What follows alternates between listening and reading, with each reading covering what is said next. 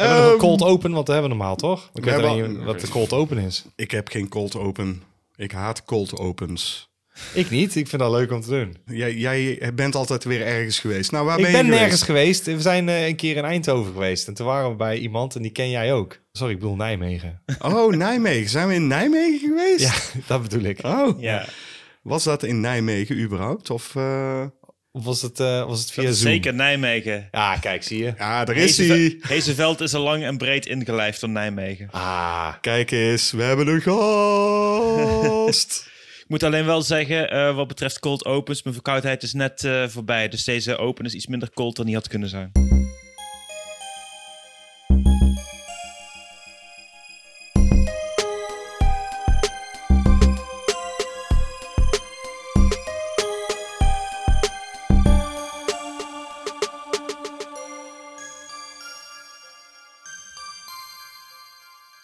Laten we even gewoon echt serieus beginnen, Ja. Jean-Paul Arends. Ja. Want dit is de, 23e aflevering van het tweede seizoen van Cinepraatjes, de podcast van Cinemaatjes. Maatjes. En deze keer is er een extra maatje aangeschoven. Oh, Ruud. Vos van Duimpje Worstelen zit namelijk thuis achter zijn laptopje naar ons te luisteren met een heel crappy geluid. Ja, super En- omslachtig systeem dit ook, maar Ja. ach, het werkt. Het werkt. We hebben het eventjes eh, geprobeerd op allerlei verschillende manieren. Dat werkte helemaal niet en nu werkt het wel. En nu klinkt het niet meer alsof ik een TIA heb, dus iedereen is Ja, blij. die vond ik eigenlijk wel het leukste. Oké, dan even voor de luisteraar. eh, Ruud had een delay. Ja, dan hoort hij zelf dus alles napraten. En dan wordt het heel erg moeilijk om eh, iemand te volgen. En jezelf. En je klinkt alsof je dronken bent. Nou goed, dan klinken we over een uur toch. Dus wat maakt het uit? Ja, precies. net zo goed dat ding dadelijk aanzetten. Waarom denken jullie dat wij Ruud hebben gevraagd om toch eventjes aan te schuiven, al is het op afstand? Thuis roepen ze dan. Oh, dat weet ik, dat weet ik. Ik weet het. Eh, is dat vanwege die eh, wedstrijd eh, die jullie hadden? Ja, dat klopt. Dat is vanwege die wedstrijd die wij hadden. We hadden met Ruud een podcast opgenomen over het Fantasy Film Festival. Waarin wij zelf een zaal mochten vullen met allemaal horrorfilms. Ja, dus zeg maar dat we gewoon met z'n drieën een festival zouden organiseren. En we hadden alle drie een eigen zaal. We mochten allemaal zes films eh, uitkiezen. En op het einde mocht jij als luisteraar kiezen welke zaal jij het liefste een ticket voor zou willen kopen. En dat, eh, dat, eh, daar is een uitslag eh, van gekomen uiteindelijk. Het duurde tot Halloween, hè? Dus eh, tot... Ja, eh, ja, ja. ja. Ja. Ik zei volgens mij in de, de podcast zelf tot en met zondag. Maar omdat Halloween op maandag viel, heb ik eh, hem toch nog een dagje langer laten Oh, wat lief. opengelaten. Ja. En dat heeft twee extra stemmen opgeleverd. Wauw, hoeveel mensen hebben er gestemd eigenlijk? Totaal 51. Wow, halleck idee. Nou, en wie heeft er gewonnen met hoeveel stemmen, Ruud? Wat voor Nou ja. domme Mr. Smug. Ik zit We, hier daar we, kunnen, een smile. we, we, kun- we kunnen het ook gewoon doen van eh, onder naar boven. Dat zou mijn voorkeur zijn geweest, zeg maar, om dingen voor te lezen. Maar eh, jij hebt de regie, dus dan vertel ik wel dat jij hebt gewonnen, William. Yes! Zit hij hoor. En dit, dit krijg ik nog eeuwen, eeuwen te horen gewoon. Dik ook, hè? Ik Ja. had dik gewonnen. Je hebt gewonnen met 25 stemmen. Ja, Ja. ja. je hebt heel goed iedereen, al je familieleden, et cetera, Ja. gevraagd van... hey, kun je op mij stemmen, want dan win ik dit. Ja, ik kan het niet luisteren. Nee, dat hoeft niet. Gewoon klikken. Ja, dat heb ik gezegd tegen Echt waar? Nee, natuurlijk niet. Oh, ik zie, het, ik zie het hem goed doen hoor. Nee, ik denk dat ik gewoon wel het meest gevarieerde programma had. Als je het vergelijkt met wat jullie hadden. Ja, maar daar ging het niet om. Want als mijn keus... Nee, je hebt wel een leuke keus, maar ik kan me niet voorstellen dat de mensen hebben gekozen. Dit is echt gewoon op basis van dat ze jou kennen. Want ze kunnen nooit There's Something Out There kunnen ze niet kennen. Toxic Avenger niet en Possession ook niet. Dus dat slaat helemaal nergens op. Hoezo Dus- slaat dat nergens op? Maar misschien juist omdat ze die nee, films nee, niet nee, kennen, nee, Jean-Paul Ja, dat is onzin. Daar geloof ik helemaal niks aan. wat William daar zag, omdat ze de films niet kennen. Ik denk dat dat de reden is dat veel mensen erop stemmen. Zo van, dan kopen ze een kaartje voor een zaal waar ze een paar films zien... die ze nog nooit hebben gezien. En Ja, dus daarom maar wordt jij hebt nieuws. gezegd in de briefing dat het misschien verstandig was om films te kiezen die mensen ook kenden, zodat er misschien meerdere mensen op zouden stemmen. Toen ben ik Ja. anders gaan kijken naar mijn lijst. Ja, ja, en ik heb toen de vraag gesteld aan het einde: waar zou je een paspartout voor kopen? En eh, je merkt ook dat ik zelf ook een enorme strategische fout heb gemaakt. Ja, ja, ja. ja. Door alleen van- maar films uit Ja. te kiezen die de meeste mensen wel hebben gezien. Ja, maar dat heb ik ook gedaan. Ik, ben- ik ben zo naar films gaan kijken. Van anders had ik waarschijnlijk een heel obscure lijst. Daar had waarschijnlijk ook niemand op gekozen. Dus Ja. dat, dat maakt niet uit. Want ik, heb niet, ik, ik ken vrienden die stemmen dan. Oh, dat. Ja, daar heb ik, eh, daar heb ik niet op geklikt. Dat zijn mijn vrienden. Ja, van, hey man, heb je dat nog gelezen? Ja, heb ik gelezen. Heb je er ook op gestemd? Oh nee, dat- oh, dat ben ik vergeten. Cool. Nee, maar Goed. een bevriende filmrecensent en filmprogrammeur, die zei ook al van, nou ja, weet je, als ik deze lijst zo zie, dan stem ik op William, want daar heb ik de films niet van gezien. Maar als programmeur zou ik jouw eh, programma in de grootste zaal zetten. Kijk, dat bedoel ik. Ja, maar het gaat niet om de grootste zaal. Het gaat om Nee. de meeste kaartjes. Ja, dat, dat is was het. exact wat, Ja. ja. dus zoals ik al zei, gewoon een dikke strategische fout van Rudy Poes. Eh, de volgende keer ga ik het heel anders aanpakken. Het was ook de eerste keer dat je het deed, hè? Eh, om, Ja, ja, ook, precies. maar je gaat het dus nog vaker doen met andere gasten. Nou ja, eh, onder andere degene over wie ik net had, Kai van Zoelen. Die heeft zich al aangediend om een keertje eentje op te nemen. Een van de luisteraars, die overigens ook meteen patron is geworden... omdat we een movie draft hebben gedaan.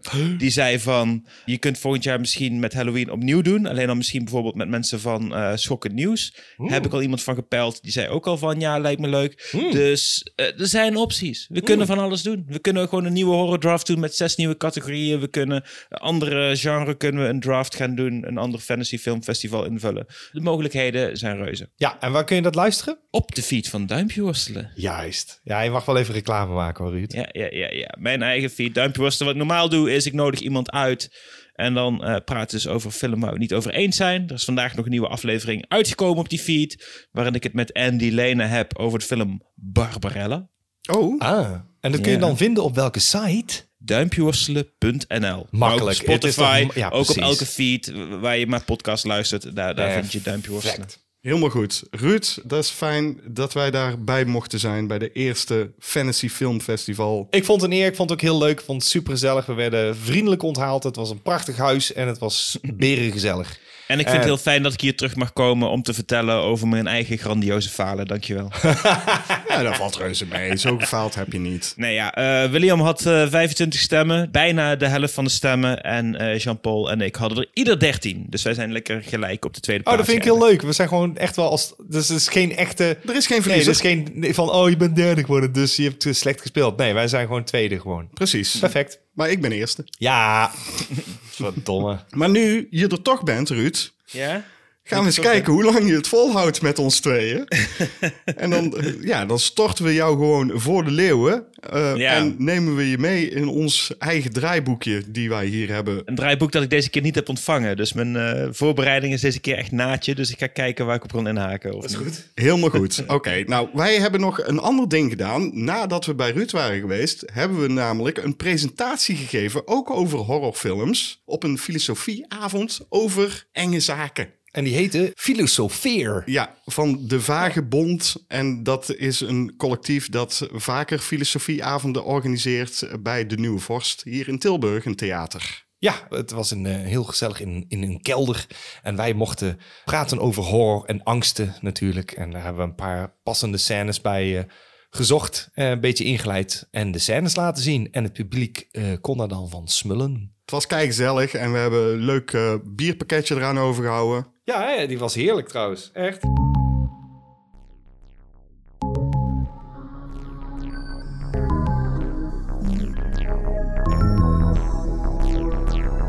We durven het gewoon geen nieuwsitem meer te noemen. Nee, nee. Heb jij ook nieuws, Ruud? Ik kan even kijken of ik wat nieuws heb. Ja, maar doe oké, doe- dan doe ik eerst natuurlijk. William en dan mag jij... Precies, dan heb jij tijd om eh, eh, iets te zoeken. Mijn nieuws is, er komt een prequel-serie van Friday the 13th. Wat? Ja. Dat wist ik helemaal niet. Nou ja, dan met deze. Oh. Dat, is, dat is nog eens nieuws, hè? Ja. Ja, dat hebben ze gisteren bekendgemaakt op de dag van Halloween. Dus wij nemen dit op op 1 november. Dat is volgens mij ook in samenwerking met A24. Dus het kan interessant worden. ja, wie zit erachter? Weet je dat? Nee, ik weet niet wie erachter zit, maar volgens mij Jason Voorhees. Fuck you. Die zit achter dat Ja, masker. die zit- ja.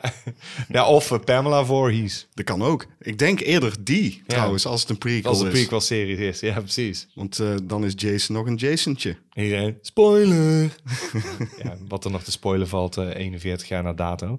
Of 42 inmiddels. Ja, ik denk dat dat best interessant kan zijn. Alhoewel, ik er zit er ook niet per se op te wachten. Nee, ik weet het niet. Ik eerst zien dan geloven. Het kan heel leuk zijn. Het kan ook echt ongelooflijk bout zijn. Want waar komt het op? Peacock, Dat is ook kunnen. weet ik veel. Ja, interesseert me niet. Heb jij nog iets van een nieuwtje? Ja, er zijn eh, een paar mensen dood gegaan. Ach, dat meen je niet. Ja, Robbie Coltrane, die je kent eh, van eh, eh, Harry Potter. De Engelse- Jezus Engelse man, dat is oud nieuws. Nee, ja, die is al zo lang dood dat het inmiddels echt zo is Ja, van... maar oh, wij zijn drie weken weg geweest. Ja, maar dat Ja, gaat en we hebben natuurlijk de vorige podcast hadden we, eh, de- daar heb ik wel opgeschreven, dat vond ik wel belachelijk. Hadden we Lou- Louise Fletcher was dood gegaan en nu is Jessica Fletcher dood.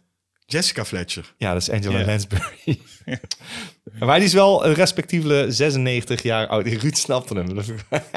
Tuurlijk snapt Ruud het niet. Eh, die is 96 jaar oud eh, geworden, dus dat vind ik op zich nog wel een mooie leeftijd. Oké. Ja, ik kijk heel veel oude vrouwen-series, dus dat soort dingen snap ik wel. Oké.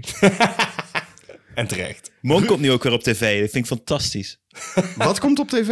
Monk, Monk. Ja, ik heb die ook helemaal gekeken. Tony Ja. Shalhoub, die eh, moorden oplost. Wat goed. Had jij nog een favoriete eh, assistente van eh, Monk?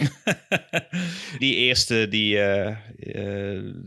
die, zie, die zie ik nu weer op tv voorbij komen. En ik van, oh ja, zij was hartstikke tof.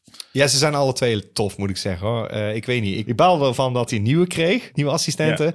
Maar ik vind ze eigenlijk alle twee leuk. Het is lang geleden, man. Fuck. Maar wel leuk dat het weer op tv is. We zijn met een nieuwsitem. Oh ja, sorry. En ik denk dat Ruud inmiddels al een nieuwtje heeft gevonden. Ja. Nieuwtje wat ik heb gevonden, wat ik wel een zeer interessante vond. En eentje die ook een beetje eh, te maken heeft met mijn allerlaatste keuze bij de Movie Draft, bij de Fantasy Film Festival. Namelijk, dat ging over The Shining. Ik weet Ik lees dat Shelley Duvall na 20 jaar eindelijk weer eens een keer in een film speelt. Namelijk een indie horrorfilm genaamd The Forest Hills. Oh. Ja, ik heb dat ook eh, gehoord. En ik heb ook begrepen dat het is natuurlijk een weerwolffilm. Of natuurlijk, daar ga ik hier gewoon verklappen. En ik heb gehoord dat de regisseur heeft gezegd dat dit volledig praktisch zal zijn, dit transformatie. Dus, eh, Dus iemand moet echt gewoon in een weerwolf veranderen. nee, dat, nee. Oh, JP, we ben je toch weer bij de hand? Echt. Dat komt omdat Ruud erbij zit, hè? Ja. Dan ga je allemaal bij de hand lopen doen. Echt verschrikkelijk. Maar goed, ik heb nog nooit gehoord van deze regisseur. Die heet Scott Goldberg. Oh, Scott Goldberg. Nee, zie je? Daar gaat hij weer. Ken jij hem wel, Ruud? Scott Goldberg? Nee, ik heb het idee dat ik de naam ooit heb gehoord, maar ik kan niet zeggen waarvan. Zo te zien is hij ook cinematograaf. Nee, ik ken hem ook niet. En ja, dan is het nog maar de vraag: wordt dit wat of wordt dit niks? Eh, maar ja, Shelley Worden ons gouden berg beloofd. Shelley Duval, 20 jaar na dato weer aan het acteren. Waarom zou ze die keuze hebben gemaakt? Ze ziet er ook verschrikkelijk oud uit. Nou ja, misschien omdat het fijner is dan door Dr. Phil afgebekt te worden op live tv. Want dat is hetgeen wat ze de laatste tijd vooral heeft gedaan. En dat was niet heel plezierig volgens mij. Oh. Zat ze bij Dr. Phil? Ja, Als wat? als zichzelf. Gewoon om eh, over haar psychische problemen en haar moeite om daarmee om te gaan eh, geïnterviewd te worden. En dat was eh, een naar gesprek. Oh. Dr. Phil is echt een lul. Tom Sizemore heeft er ook ooit gezeten om eh, te vertellen hoe dat hij eh, helemaal van de kook af was. En vervolgens weer terug te worden uitgenodigd om eh, zichzelf te moeten verklaren omdat, waarom dat hij toch niet van de kook af was. Ja, het is, weet je, het is, ik vind Dr. Phil eh, is gewoon een soort Jerry Springer. Maar dan iets beter geleid en iets netter. Maar het, het komt eigenlijk op hetzelfde neer. Die En sensatie eh, ja. lust. ja, best wel. Ja, vind ik Met heel jammer. leuke hoor. catchphrases als... eh, How's that working out for you? Ja, het is te makkelijk. Dat, het is voor mij te kort door de bocht. hey, het is heel lekker wegkijk-tv. Ik heb Ja, dat jaar lang echt met heel veel plezier gekeken en zo. Omdat het gewoon best wel lekker middag-tv is. Als je even niks te doen hebt en zo, dan, dan val je er lekker in. Maar ja, nee, ja, goh. Voor de rest vind ik het leuk als hij eh, voorbij komt in Crazy Ex-Girlfriend. Maar voor de rest... Ja, hij zat ook eh, in eh, die, ook een van die scary movies. En dan, eh, dat was ook grappig. Ah, ja. Saw scène dat hij zijn eigen been afzaagt. Oh ja, dat, dat klopt, ja. Dat, dat weet ik nog, ja. nou, ik vind Dr. Phil gewoon piemelhoofd. Dus eh, bij deze, dan mogen jullie best weten. Ik kijk er ook niet naar. Ik vind het ook niet leuk om naar te kijken. Maar waar, maar waar, waar kijk je dan? Wat is een mooi bruggetje. Maar waar heb je dan wel naar gekeken? Oh. Oh, en dan komt er een jingle.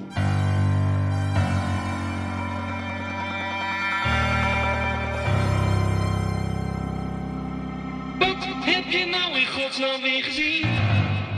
Moet ik beginnen?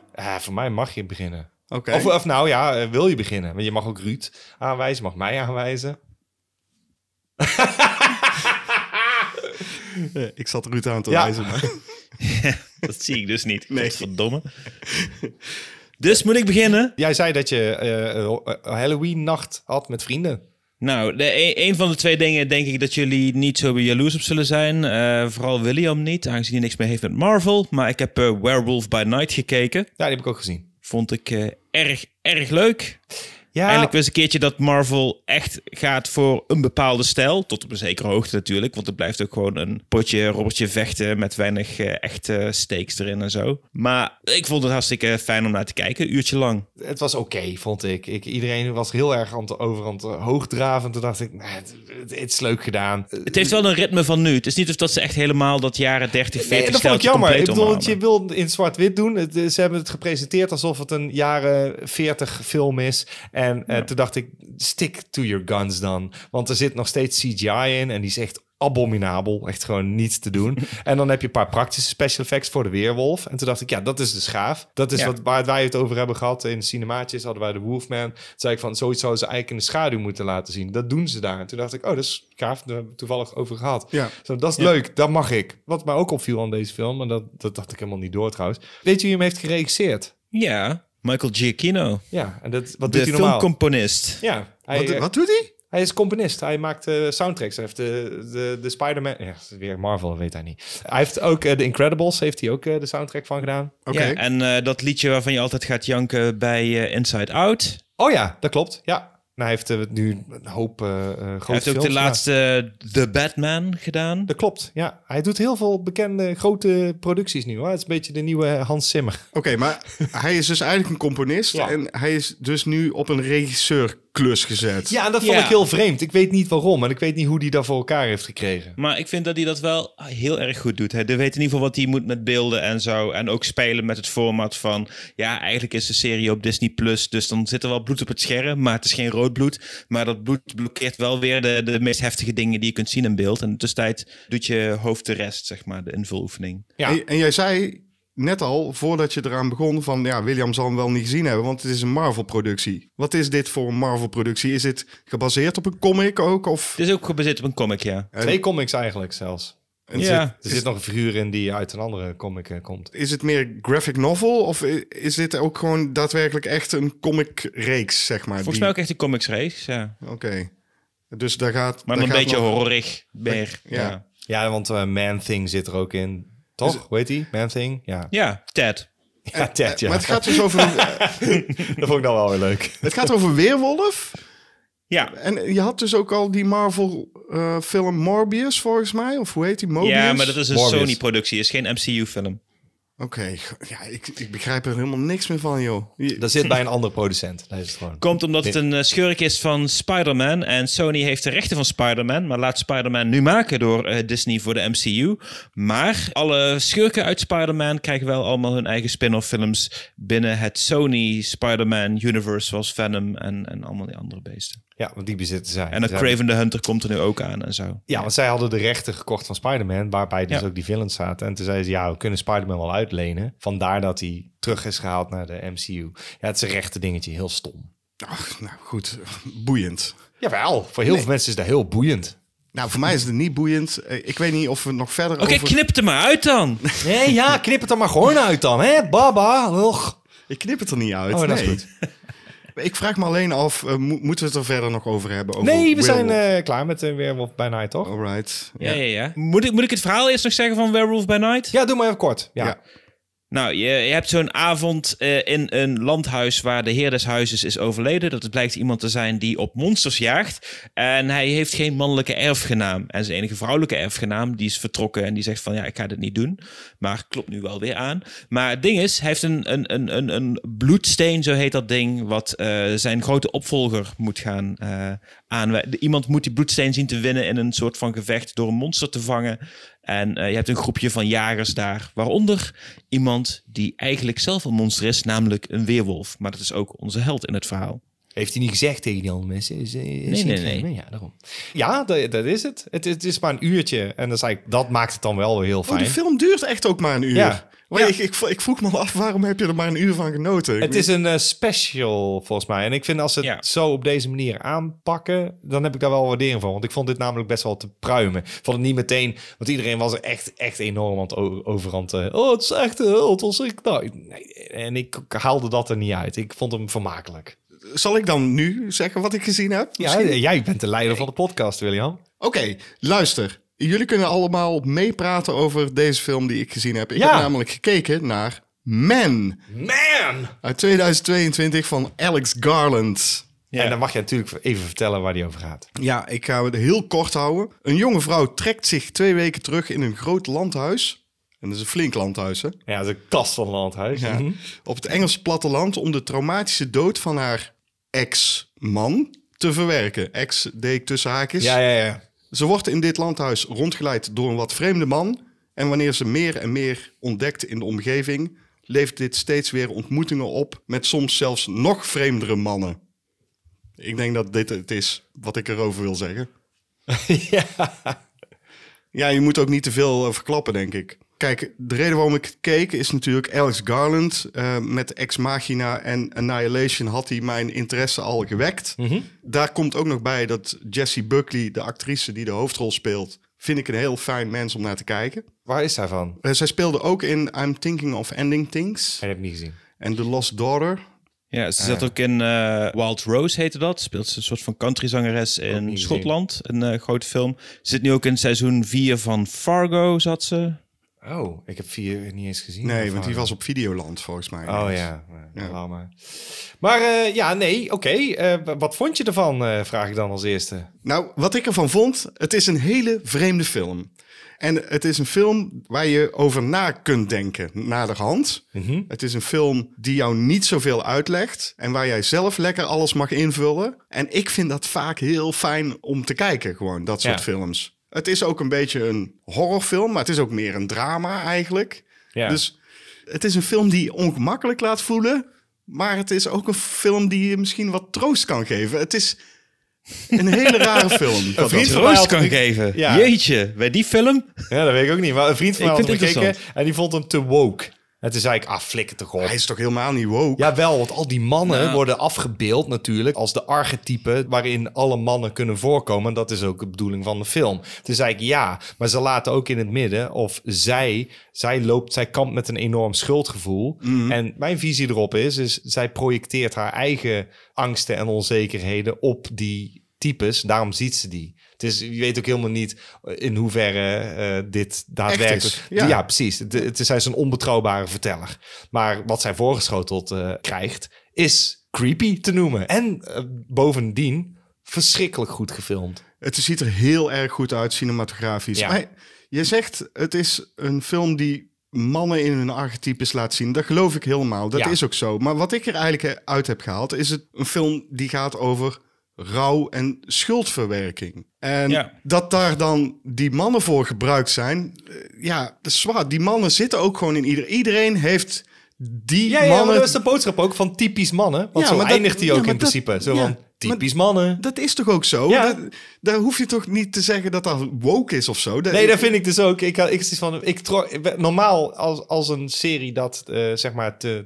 Of heel vaak zijn series, maar als, als een film daar te veel de nadruk op legt. En deze film doet dat beter, denk ik. Die, die doet het op een manier waarbij ik het kan accepteren, omdat het een, een spil is. Of het is een, een gedeelte van het eh verhaalstructuurtje. Ja. Je zou het kunnen ervaren als een, een, een boodschap in your face. Want zo ervaarde die vriend het. Hij zei, ja, het is wel Ja. echt... eh, bo, bo, bo. Hoe Ja, ervaarde en de film het, laat ook best wel een deurtje voor open. Maar dat is niet de manier waarop ik het per se las. Nee, Ehm, ik ook niet. Als de film me ergens aan deed denken qua stijl, en zeker ook omdat mensen er enigszins boos uitkomen lopen eh, af en toe, is de film Mother. Ja, daar werd hij dus mee vergeleken. En hij is een enorme fan van Mother. En hij vond dit niks. En toen zei ik, nou snap ik niet. Jij vond Mother gaaf en je vindt Man dus niks. Ik, dat begrijp ik gewoon niet. Nee. Dus hij was gewoon een beetje met eh, Mother aan het gooien. Waar zit dat ding? Die neem ik niet op, JP. Ja, daar zet er maar te een eh, to-doen tiche in.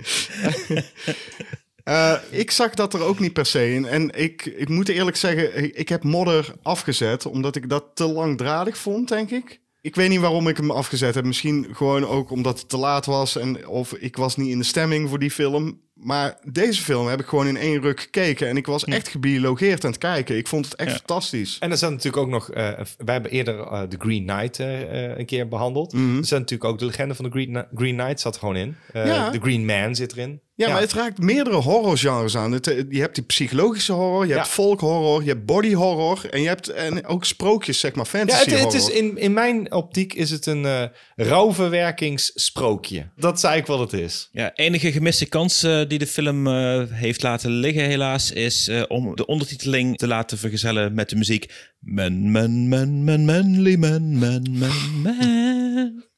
Ja, jammer hè? Maar over Ja. de muziek gesproken. De muziek was fantastisch. Oh mijn god, de muziek was Ja. fantastisch. Die Ja. vond ik dus Zeker ook echt- haar zang erin, hoe dat erin is verwerkt. Ja. Dat, ja, dat zit nog steeds in mijn hoofd en ik heb maar één keer gezien. Ja. Kun je nagaan. De muziek is gedaan door onder andere Jeff Barlow van eh Portishead. En die heeft eh, vaker met eh, Alex Garland gewerkt. Dus eh, volgens mij zijn dat gewoon vrienden. Ja, het is een film waar je over kan discussiëren. Het is Hate it or love it, dat, dat geloof ik ook. Dat maakt het wel een interessante film. Voor mij is het een aanrader. Ja, voor mij ook. En voor jou, Ruud? Voor mij ook. Ja, en we moeten natuurlijk niet vergeten dat Jesse Buckley fantastisch speelt, maar ook Rory Ja. Kinnear. Ja, die speelt zeg maar een dubbel, dubbel, dubbel, dubbel, dubbel, dubbel, dubbel, dubbel. multirol. Multirol. Eh, hij speelt alle mannen. En zelfs een jongetje. Wat er heel, heel naar uitziet. Ja, het is gewoon een fantastische film om te kijken. Ja. Eh, alleen niet voor iedereen. Nee, dat gezegd hebbende. JP, wat heb jij nog gezien? Eh laat ik beginnen met eh, Hellraiser. Oh, de Ja. oude of de nieuwe? De nieuwe natuurlijk. Oh. Ja, ik was heel nieuwsgierig, want ik ben niet een enorme Hellraiser-fan. ik vind het gaaf, laat ik het zo stellen. En de eerste en de tweede kan ik heel goed hebben. En de rest is, maar, weet je wel, eh, dan krijg je op een gegeven moment straight to video. Er zitten af en toe dingen die zijn interessant, maar ja, het is niet een reeks waar ik enorm warm van loop. Dus toen dit werd aangekondigd en ze zeiden dat het iets trouwer moest zijn aan de figuur in het boek, was ik wel gebiologeerd. En eh, ook eh, werd hier een vrouwelijke pinhead eh, gecast, dacht ik ook een bold choice. Ook niet in de zin van woke, want in het boek is het ook een androgeen type. Dus ik dacht, oké, ik ben benieuwd. Ik ben heel benieuwd. Eerst zien, dan geloven. Zal ik eerst vertellen waar die over gaat? Ja, doe Want, maar even Voor kort, de mensen was leuk. Je hebt een, een ex-junkie genaamd Riley. Die neemt een nieuw vriendje mee in een studentenhuis... waar haar homoseksuele broer ook woont. En die broer die heeft de taak om eh, Riley een beetje in de gaten te houden... zodat ze niet opnieuw de fout ingaat. En die vertrouwt dat vriendje niet zo. Dat vriendje is inderdaad niet echt te vertrouwen... want die wil nog dingen gaan stelen en zo. En eh, onder andere heeft hij gehoord dat er ergens een zeecontainer is... waar een kluis in staat... En in die kluis, die ze natuurlijk gaan openbreken. Riley en eh, Trevor heet, die, eh, heet het vriendje. Eh, Riley en Trevor gaan dat kluisje natuurlijk openbreken. En daar vinden ze de puzzelbox in. En bij het spelen met die puzzeldoos eh, gebeuren er nare dingen. Het is standaard fair voor Hellraiser. Maar het is wel leuk gedaan. Ik vond het geen straf om naar te kijken. Ik vond het leuk. Ik heb hier een paar pro's en cons opgeschreven. Laat ik beginnen met de pro's. Ik vond Jamie Clayton, die Pinhead speelt, maar ze speelt geen Pinhead. Ze heet, de, de Pinhead hier heeft natuurlijk duidelijk pins, maar nu zijn het echt naalden, zeg maar, in plaats van spijkers. Wat ik goed vind. Eh, ze heet eh The Priest. En zo heet ze in het, of heet eh, de Pinhead in het boek eigenlijk ook. Ja. Eh, de Cenobites vind ik, eh, dat zijn dus de, de demonen die je oproept als je de puzzel... Dit is voor de luisteraar die nooit heeft gehoord van Hellraiser. Die komen tevoorschijn als je die puzzel oplost, of in ieder geval een gedeelte van de puzzel oplost. Dan open je een poort en dan komen demonen komen je halen. En die zijn allemaal, ik noem ze pijndemonen. En deze zijn het ook heel creatief eh, uitziende Cenobites. En die zien er waanzinnig uit. Ze hebben in plaats van leer nu, hebben ze echt gewoon vlees wat is eh, gestript en eh, aan, aan werktuigen opgehangen. Het ziet er spectaculair uit. De actrice die Riley speelt eh, is heel erg overtuigend en zeer memorabel. Dat is Odessa Azion. Ja, die vond ik eh, erg goed. Eh, iedereen speelt overigens best wel overtuigend. Dus het was eh, leuk om naar te kijken. Het voelt echt wel aan als een Hellraiser film. Zelfs een beetje een throwback. Dus het, dit zou ook in de jaren 90 gemaakt kunnen zijn. Eh, jij zei net dat het trouwer is aan het boek. Ik heb het boek niet gelezen, maar ik weet wel dat in het boek ook de priest is, volgens mij. Ruud, heb jij het boek gelezen? Nee. Kijk, daar gaan we al. Heb je de film gezien, Ruud? Ja. Jij hebt de, de nieuwe Hellraiser ook gezien, Nee, die niet. maar wel de oude. Die oude van eh Van Clive Barker zelf, ja. Clive Barker. Clive Barker, de schrijver van het boek. Die kon wel beklijven. Eh, Oh my god. Ja, Volgens ik- mij ben je eh, met die eh eh woordgrapjes een beetje een eh, barker op the wrong tree. Ah. Shit, we hadden nooit een... eh, wat, eh, Ruud is een stand-up comedian, hè? dat moeten we niet vergeten natuurlijk. Dat zou je alleen niet zeggen als hij dit soort grappen blijft maken. Maar eh, zal ik ook nog vertellen wat ik er minder aan vond? Nee hoor, dat hoeft niet. Jawel. Nee, dat hoeft niet, oké. Hop. Nee, vertel maar. Wat is er minder aan? Ik vond het heel jammer dat de film op sommige momenten heel erg donker is, waardoor je die Cenobites niet zo heel goed kan bekijken. Dus die vallen heel erg in de schaduw. En dan zit je, ja, ik weet dat het er cool uitziet, maar godverdomme, want ik heb plaatjes gezien namelijk eh, bij make-up test en eh, making-of eh, materiaal, hoe noem je dat, backstage eh shizzle. Dat zag er heel gaaf uit. En toen dacht ik, het is zo zonde dat je dit dan zo verhult in schaduwen. Jammer man. Ik vond het verhaal iets wat aan de magere kant. Het is een beetje 13 in een dozijn. En ik vond voor een Hellraiser film dat er ook bitter weinig bloed wordt vergroten. Dat is niet meteen een nadeel. Dat houdt het subtiel, maar je zou het verwachten. Ja, zeker. Zeker als je... Dat waren eigenlijk al mijn cons. Ik, dus het valt eigenlijk best wel mee. Ik, ik vond het een dikke, dikke voldoende. Oké. Nou, Ruud, ga je hem kijken ook? Mogelijk. Ik hoor er eh, leuke dingen over, dus eh, ik denk het wel een keer. Je kunt hier eh, echt niet, hè, ook al zouden die pijndemonen dat leuk vinden, geen bel aanvallen. Oh god, dit gaat echt van kwaad naar erger zo in deze podcast natuurlijk. Ruud, heb jij nog iets gezien waar je het over wil hebben? Fuck yeah. Oh, Ik zag wat misschien wel, wat mij betreft, tot nu toe de horrorfilm van het jaar is. Oh Oh. jeetje. Barbarian. ja, die heb ik ook gezien. Oh god, ja, ja, ja, ja, ja. Ja, ik hoorde er allemaal goede dingen over. En ik had tegen JP gezegd, daar moeten we iets mee. En JP heeft hem gewoon stiekem in zijn eentje zitten kijken. De flikker.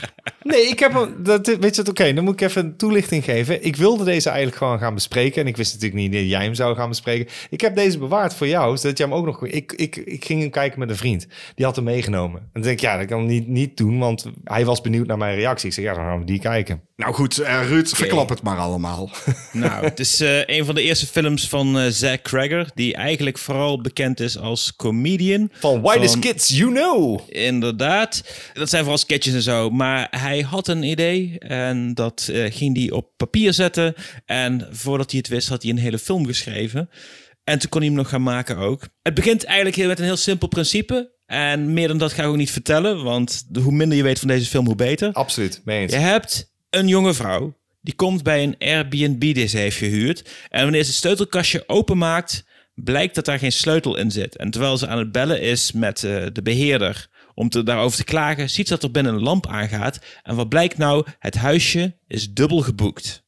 En wie in dat huisje zit, is Bill Skarsgård. En Ja, voor de rest ik. zeg ik niks. Nee, voor de rest hoef je helemaal niks eh, te verklappen. De film is eh, dat. Maar jij zegt het is misschien wel de beste horrorfilm van dit jaar. Ja, de film refereert aan heel veel dingen en heel veel tropes die in horror zitten. Ja. En benut het op zijn allerbest. En speelt er ook heel erg veel mee. Het switcht van toon van keer op keer. Met een paar van de beste montages.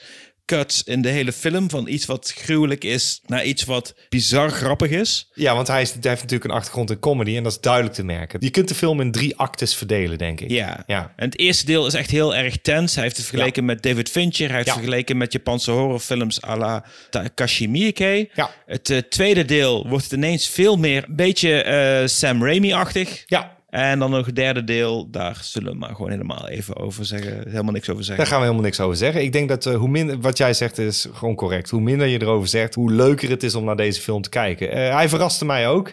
Ook al eh, is bijna alles wat ze presenteerden waren dingen die ik al wel eens een keer had gezien. Maar nergens stoorde ik mij eraan. Ik dacht alleen maar, god, dat is leuk. Oh ja, ja, dan speel je dus met verwachtingen. En dat doet deze film heel goed, vind ik. Maar het grappige is dat jij dus zegt... het is een van de beste horrorfilms van dit jaar. Eigenlijk is dit jaar een heel goed jaar geweest voor horror. Zo niet normaal. Echt, ik, Ja. ik ben verbaasd. Want eh, ik heb nog een grotere lijst. Maar eh, er komen alleen maar films bij. Elke keer als ik er een kijk, denk ik van... Nou, daar verwacht ik dan niks van. En dan is die afgelopen, denk ik... Nou, dit is al sowieso ruim fucking voldoende. Bijna alles is al een dikke 7. Dus want ik kan gewoon zeggen, dat is een 7. eh, als ik een punt eraan moet geven. Ja, en we hebben dus eh, laatst op eh, youtube.com slash Dutch Nerd Club... hebben we zelfs Pearl besproken. Ja, en die vond ik ook echt fantastisch. Oh mijn god, die was goed. En Ty West had eerder al X gedaan, ook, uit dit jaar. ja. Nee, dit jaar is eh, voor, voor horror, eh, ik ben verbaasd. Het is eh, niet normaal, ongekend bijna. En ik heb het idee dat dit films zijn geweest die natuurlijk een tijd hebben gelegen. Die ze misschien nu presenteren. Of dat ze heel lucratief vorig jaar bezig zijn geweest.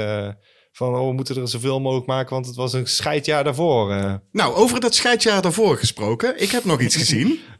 Zijn we klaar met Barbarian? We moeten daar niet te veel over mag je niet te veel Nee. over vertellen. Dat zeiden jullie al. Jij komt daar nog een keer op terug, denk ik. Misschien. Maar het scheidjaar daarvoor, dus 2021, eh, Mhm. toen kwam er een film uit. En die heb ik gekeken, omdat wij zometeen in de special, en dat weet jij nog niet, Ruud, maar daar gaan we het over hebben, iets gaan bespreken wat daarop aansluit. Ik heb namelijk gekeken naar Halloween Kills. Evil dies tonight! Evil dies tonight! Evil Dies Tonight, ja. Ik zal even heel eh, kort proberen uit te leggen waar die eh, over gaat. Hoe kort het ook is, maar goed. De nacht van Halloween is nog niet over. Na de gebeurtenissen uit Halloween uit 2018 wordt Laurie Strode samen met haar dochter en kleindochter naar het ziekenhuis gebracht. In de veronderstelling dat ze eindelijk hebben afgerekend met Michael Myers, zien ze de brandweer richting haar huis snellen. Uiteraard ontsnapt hij en vermoordt hij de brandweermannen en ondertussen spannen de inwoners van Haddonfield samen om definitief met Michael Myers af te rekenen. Dat heb ik ervan gemaakt. Ja, Ja, het is dus een direct vervolg op eh, Halloween uit 2018. Het eh, gaat ineens een trilogie worden, wat duidelijk te merken is eh, aan deze film dat ze niet wisten wat ze in godsnaam moesten bedenken voor dit tweede deel. Inderdaad. Ik had hem al eerder een keer opgezet. en toen heb ik hem echt daadwerkelijk na een half uur afgezet. Omdat ik, ik werd gewoon zo moe van de onlogica en de, de slechte motivaties van de karakters. Dat ik dacht, ja, ik ga hier niet naar kijken, man. Daar heb ik gewoon geen zin in. Ja. En toen kwam jij met van, ja, we zullen we voor de special eh, dit en dit doen. En toen dacht ik, ja, dan moet ik hem wel afkijken natuurlijk. Nou, je kunt wel raden wat we gaan doen met de special, maar goed. Ehm, Het blijft een verrassing voor sommigen. "Wel, Wat dan? maar ik had hem dus nog niet gekeken. Nu heb ik hem afgekeken en ik denk nog steeds... "Wauw, Jezus man, wat een, wat een schrale film is dit, zeg. Ongelooflijk. Slechte weet- boodschap, slechte uitwerking. Er zit een, een korte scène in met Michael Myers die misschien de moeite waard is. That's it. Ja, maar de Michael Myers in Halloween Kills vond ik zo niet Michael Myers. Ik vond hem eerder een Jason, bij Ja, wijze van ja, spreken. dat, dat is wat ze ervan hebben gemaakt. Ja. En toen dacht ik, ja, maar dit is niet Michael. Zo is Michael niet. En Leave Michael alone. Evil dies tonight! nee, maar... Herkende je trouwens wie dat was? Ja, tuurlijk. Ja, ik herkende hem. Ja, ik zag meteen in een ja, ja, weird science. Ja, ja, tu. ja, maar ik snapte gewoon de motivatie van bijna alle karakters niet.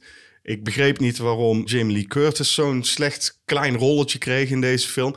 Ze hebben daadwerkelijk niet erover nagedacht Nee. dat dit ooit een trilogie zou moeten worden. Ze hadden het misschien gewoon bij die eerste film moeten houden. Dat is het gewoon. Deze film heeft wel één redeeming factor. En dat is het enige wat ik er gaaf van vond aan deze film. Dat ik dacht van, ja, had dat gedeelte dan ergens voor gebruikt? Is de opening in 1978. Die Ja. was fantastisch. Ja, dat hebben ze mooi nagemaakt. Ja, Eh, daar oogt ook echt alsof ze van, oh, dat is cool. Had dan gewoon deze hele film in die tijd. Ja, heel jammer. En toen kreeg je eh, Evil Dies Tonight, Evil Dies Tonight, Evil Dies Tonight, Evil Dies Tonight. Het was niet normaal. En wat ze daarmee wilden zeggen, geen idee. Een soort mob mentality, maar het was zo goedkoop, zo slecht uitgewerkt. Ruud, wat vond jij daarvan? Ik heb hem niet gezien. Ik heb alleen de, de originele Halloween van John Carpenter gezien. Nee, maar bij Halloween Kills had ik echt het idee van... dit maakt gewoon heel die franchise kapot. Ja, En het is gewoon zonde. En met, met die allereerste Halloween uit 2018... die dan een direct vervolg op de originele Halloween zou zijn... ik vond die nog redelijk, zeg maar, Ja. te pruimen. Het was een leuke insteek. het- niet heel erg vernieuwend of zo, maar... Ze maakten er wel iets leuks van. En omdat dat een succes was, werd er dus aangekondigd: dit gaat een trilogie worden. Maar ze hebben daar van tevoren helemaal niet over nagedacht. Hadden ze dat wel gedaan, dan hadden ze een hele leuke trilogie kunnen maken. Maar daar komen we later op terug. Let maar daar op mijn komen we zeker later nog op Ik terug. ben nog wel steeds gebiologeerd door het feit dat Jim Cummings een rol speelt in Halloween Kills. Ja, Jim fuck ik ja, niet normaal. Hij, zit- alleen maar in die, eh, in die 1978 scène. Oké. En eh, dat is kort, maar krachtig. Ja. Maar ja, het is hem wel. Het, hij speelt weer een agent trouwens.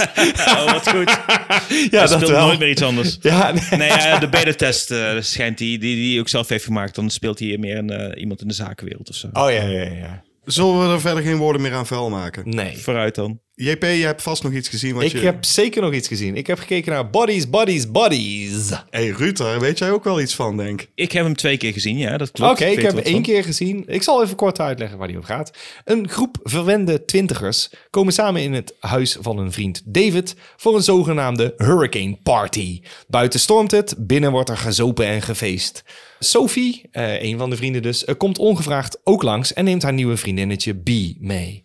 S'avonds laat spelen ze een soort tikkertje in het donker. Dat is eigenlijk een soort werewolf wat ze spelen. Of Among Us, eh, hoe heet dat kutspel? Iemand is de moordenaar, bla bla bla. je- Mafia, Secret Hitler, je hebt verschillende varianten Exact, van. Ja. dat spelen ze in principe. Maar als er even later iemand echt doodgevonden wordt met doorgesneden keel, is het menens.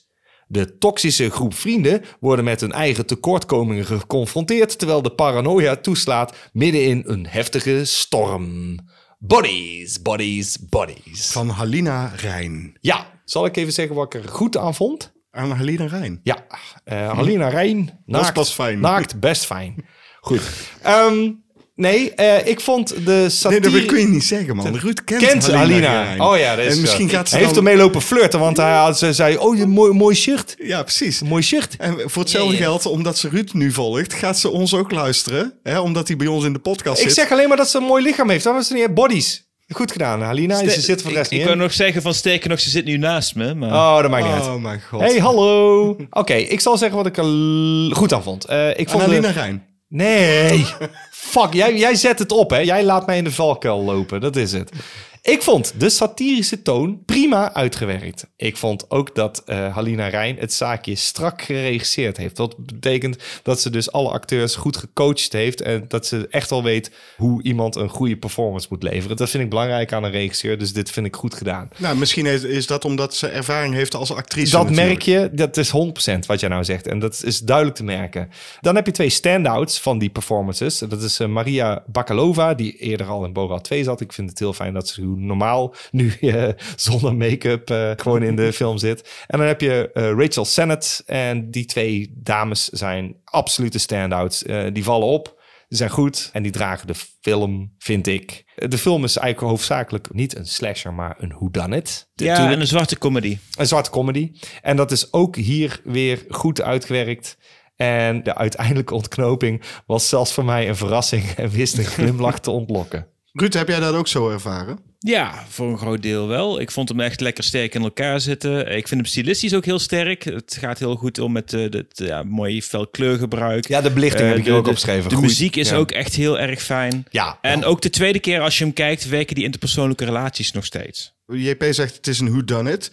Als je een whodunit gezien hebt, dan weet je het wel. Ja, dat is mijn con. Dus en, ja. en, en daarom vraag ik me af, waarom heb jij hem twee keer gekeken dan, Ruud? Omdat mijn vriendin hem ook nog wel wilde zien. En ik had zoiets van, ja, ik vond hem goed. Ik ga nog wel een keer mee. Oké. Ik vind het eh, camerawerk iets te hip. Dat houdt in, het oogt een beetje found footage-achtig. En ik ben daar geen fan van. Het is eh, alsof de cameraman direct aanwezig is, maar genegeerd wordt door de groep. Dus alsof, ja, weet je wel, sowieso dat, dat, dat Ja, ja. weet je wel, die kunt niet stil blijven staan. Het is wel op een, eh, hè, met een stabilizer, maar het is eh, allemaal iets te zweverig. Je hebt geen mooie statische shots, dus de film is esthetisch gezien daardoor niet heel mooi. Het, de belichting is prachtig en er zitten ook wel goede shots in, maar ik weet niet, op een of andere manier kan dat voor mij dan niet beklijven, omdat het dus dat losse, eh, ja, ik, ik zeg al, alsof een cameraman los meeloopt. Ik vind dat, Nou, ik dus vind ook dat gewoon- dat ze van die lange shots kunnen maken en dat die wel interessant blijven. Want Halina Rijn wil graag dat de, de scènes gewoon lang worden uitgespeeld en dat het daarin allemaal gebeurt. Nou, weet je, het is, ik vond het niet storend. Alleen ik vind het zelf gewoon niet mooi. Dat is het. Ja. Ik heb zoiets van, ik zit dan te zoeken naar... Ik weet wel, ik wil een shot van... Ik wil een Carpenter shot. Snap je? Ik wil Mhm. een, een shot wat goed uitgekaderd is, waarin iets gebeurt. En er zat hier eh misschien Gewoon op een, een bedacht shot, Ja. wat niet te veel op uh, toeval... uh, Ja, want dan zou ik zeggen, oh, toevallig omdat de camera nu draait, dat is leuk uitgekaderd. Maar dit is gewoon omdat het zo los is, kan ik daar heel weinig mee. Er zitten af en toe wel shots in, er zitten onderwater shots in en die zijn prachtig geschoten. En daar is de belichting ook mooi van. Dan denk je, ja, dat is gewoon gaaf. Dus daar kan ik niet over vallen. Dus dat waren dingen die wel opvielen.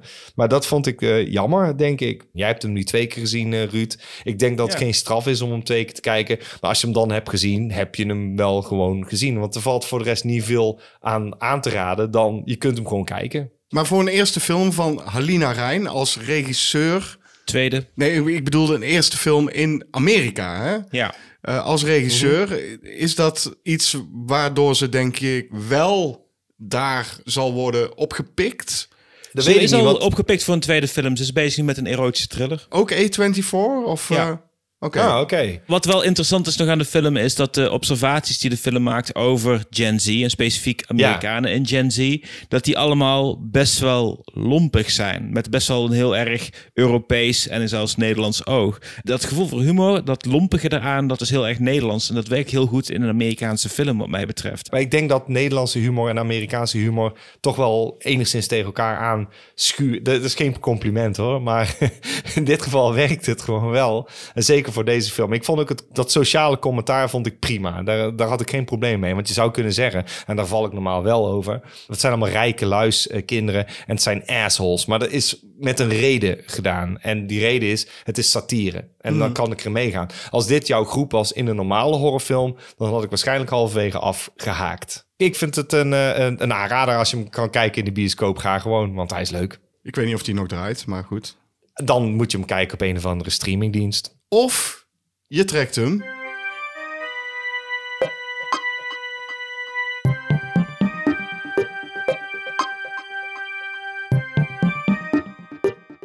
Uit de kast. Uit de kast. Jean-Paul Arends heeft eh, zojuist een eh, DVD uit de kast getrokken. En het is de DVD. Ik heb er nog nooit van gehoord, Jean-Paul. Wat is dit? Eh, Oké. Ik eh, weet het helemaal niet. nee. Het is echt gewoon spanning, dus niet te, is, is niet te snijden. Kijk, is kijk gewoon- eens, kijk eens, Ruud, kijk. Ik ga het gewoon zeggen welk het is. Het is Massacre at Central High. Een film uit 1976, als ik me niet vergis. Het is een dun hoesje. Echt ongelooflijk. Ik kan niet, niet geloven gewoon hoe dun deze hoes is. Waren ze allemaal maar zo dun? Dan Ja. kon ik meer dvd's in mijn kast kwijt. Precies.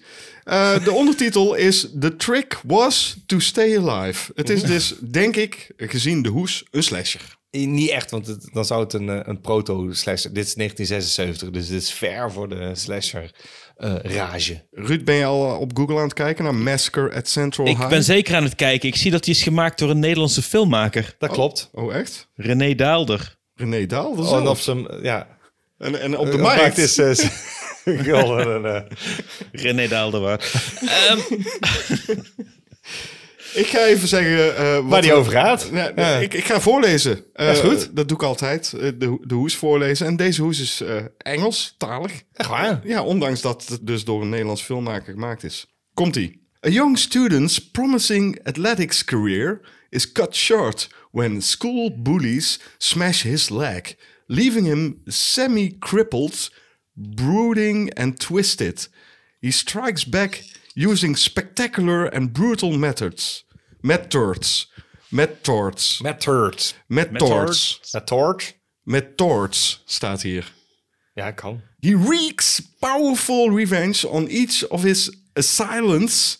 There is almost no limit to the ingenu in- ingenuity, ingen- Ingenuity. ingenuity yes? of his murderous imagination. This film is definitely not for the squeamish. ik denk dat René Daalder ook op met precies zo'n accent de film heeft geregisseerd. Ja. Dat denk ik ook. you go stand over there, and then you say this and that. Oké, oké. Zie je ook dat eh, Robert Carradine erin zit? Oftewel Eh, ja, eh, dat de hoofdnerd uit Revenge of the Nerds. Is Eddie Murphy meer trouwens. Hij staat op de hoes, hij staat op de hoes als Bob Carradine. Ja, ik kan hier echt helemaal niks over zeggen. Misschien Ruud he- heeft Google voor zijn neus. Dus eh, Ruud, eh, brand maar los, joh. Wat, wat, Nou, wat heb ik je zit vooral te denken, het is een film uit 1976. Dat had Mhm. eh, Jean-Paul helemaal goed. Ik had gewild dat ik dit wist toen ik een podcast ging opnemen... waarin ik allemaal films uit 1976 ging ranken. Want. Godverdorie. Ja. ik ben ondertussen een wijnfles open. Dus mensen denken, wat hoor ik? in Godsnaam. Dat is dat. Eh, ja, nee, ik, ik weet er heel bitter weinig meer van. Ik heb deze ooit een keer gezien. En dat is wat jij zei. Ik dacht, dat, eh, dus ik, ik kijk nu William aan. Want Oh, ik denk, eh, tegen wie heb je het? Ik dacht dat het een slasher was. En ik kwam een beetje bedrogen uit. Ook de versie die hierop staat. Dit is volgens mij echt gewoon video op, op DVD gezet of zo. Daarom is het ook zo'n dun, eng, raar hoesje. dat is het. Maar ik heb namelijk een trailer gekeken van tevoren. Maar toen dacht ik, ik wil het eigenlijk wel een kans geven, een keer. Want eh, volgens mij is het best interessant. Misschien is het wel enorm eh, hopeloos ouderwets. En dan kun je hem scharen onder eh, zoiets als wat wij hebben gedaan met, wat was dat, Savage Weekend. Mhm. bij Ja, de cinemaatjes.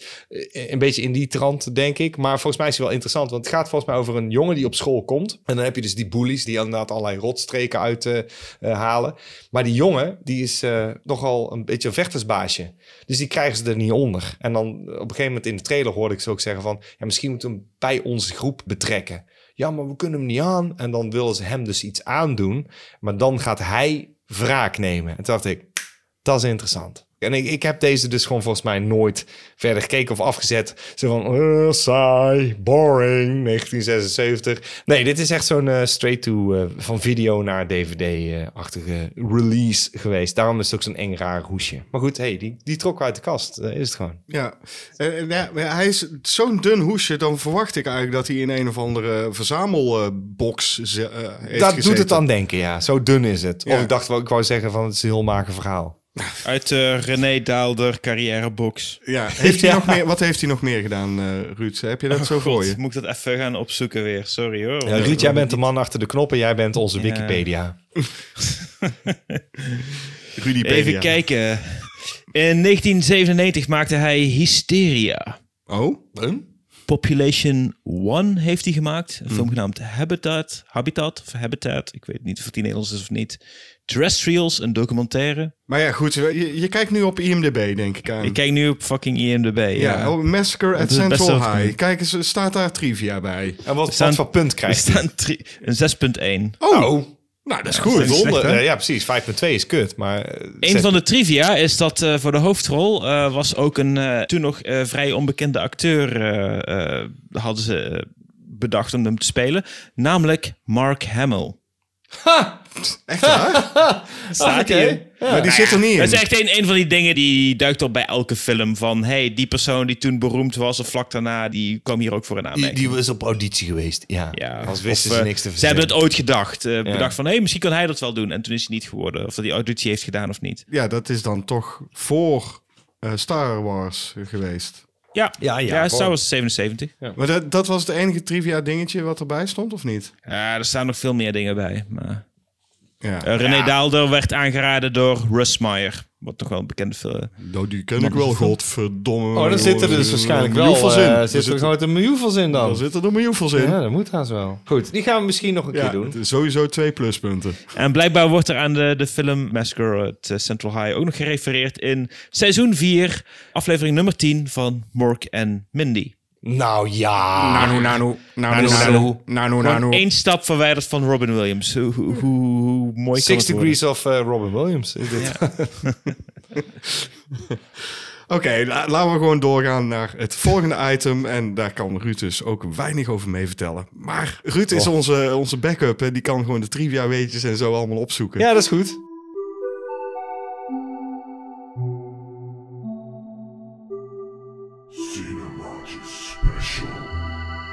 Nou, William, je had het er al eerder over. Waar gaat deze special over? Ik zal een beetje inleiden. Het is een beetje als mosterd na de maaltijd. Want Halloween is natuurlijk net voorbij. Maar we waren ook wel benieuwd hoe Halloween is geëindigd. Vanwege Halloween Kills, Ja, die ik ook heb gezien en die ik ook echt, nou, ik weet niet, maar... Nou, Dat. goed. En toen dacht ik, oké, ik weet niet, heb ik zin in Halloween Ends? Ik denk, ja, dan is het in ieder geval afgelopen, hopelijk. ja. maar goed, we duiken dus voor deze special in de laatste film in deze trilogie. Halloween Ends. Nou ja, we hebben het dus net al over Kills gehad en hoe slecht deze was. Maar na het zien van Ends is mijn conclusie dat dit misschien wel de meest onsamenhangende trilogie is die ik ken. Ja, ja, ja, als trilogie. Want je, je kunt duidelijk merken dat er dus in iedere film iets zit waarvan je denkt... oh ja, dat, is- dat is leuk, dat, dat werkt. Daar had je iets mee moeten doen. Ja, precies. Als je een eh, degelijk verhaal had gehad. Ik heb gepoogd om deze film te omschrijven. Een synopsis van te maken. Ja, Ja, eh, het is iets langer geworden dan normaal. Dat kan ook niet anders. Ja. De film speelt zich vier jaar na Halloween Kills af. Michael Myers is al een tijd nergens te bekennen geweest. Maar het plaatje Haddonfield heeft toch duidelijk geleden onder de eerdere gebeurtenissen. Laurie Strode heeft vrede gesloten met haar verleden en woont nu samen met haar kleindochter Allison in een normaal huis waar ze bezig is een boek te schrijven. Tot zover de connectie met Halloween, met de films. Want de film begint een jaar na Kills met een jonge man, Corey, die moet oppassen op een klein eikeltje die hij door een ongeluk om het leven brengt. Dan gaan we weer drie jaar vooruit in de tijd. En hij is uiteraard vrijgesproken, want het was een ongeluk.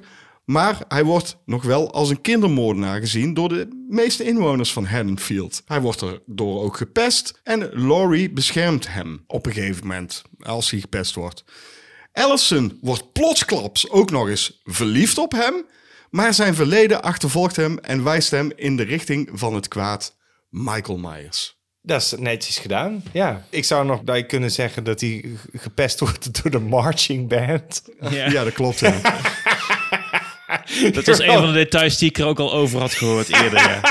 De, de marching band, die, die pesten hem. En hij heeft ook al best wel, ik bedoel, hoe, hoe oud is hij? Ik denk dat hij een jaar of eh, 26, Nee, hij 7 was 21. Ja, maar Eh, dat toen hij oh, ja. ging oppassen was hij 21, Ja. dus hij is dus drie jaar later is hij 24. Ja, hij is 24. Het is al een oudere kerel, maar ik, ik heb zoiets van, oké, oké. Oké, oké, oké. Het sluit dus de Halloween franchise af. Hè? Zo, zo Mhm. doet het ons laten geloven met eh, zo'n titel. Is jou iets opgevallen aan die titel? Jazeker. De titel was in het blauw. Ja. Net als bij Halloween 3, The Ja. Season of the Witch. En wat vertelt je dat dan? Dat vertelt mij dat dit een soortgelijke film is. En zo moet je het eigenlijk ook gaan kijken. Dat had ik dus ook. Want heel veel mensen vielen hierover. Oh, moet je een andere film?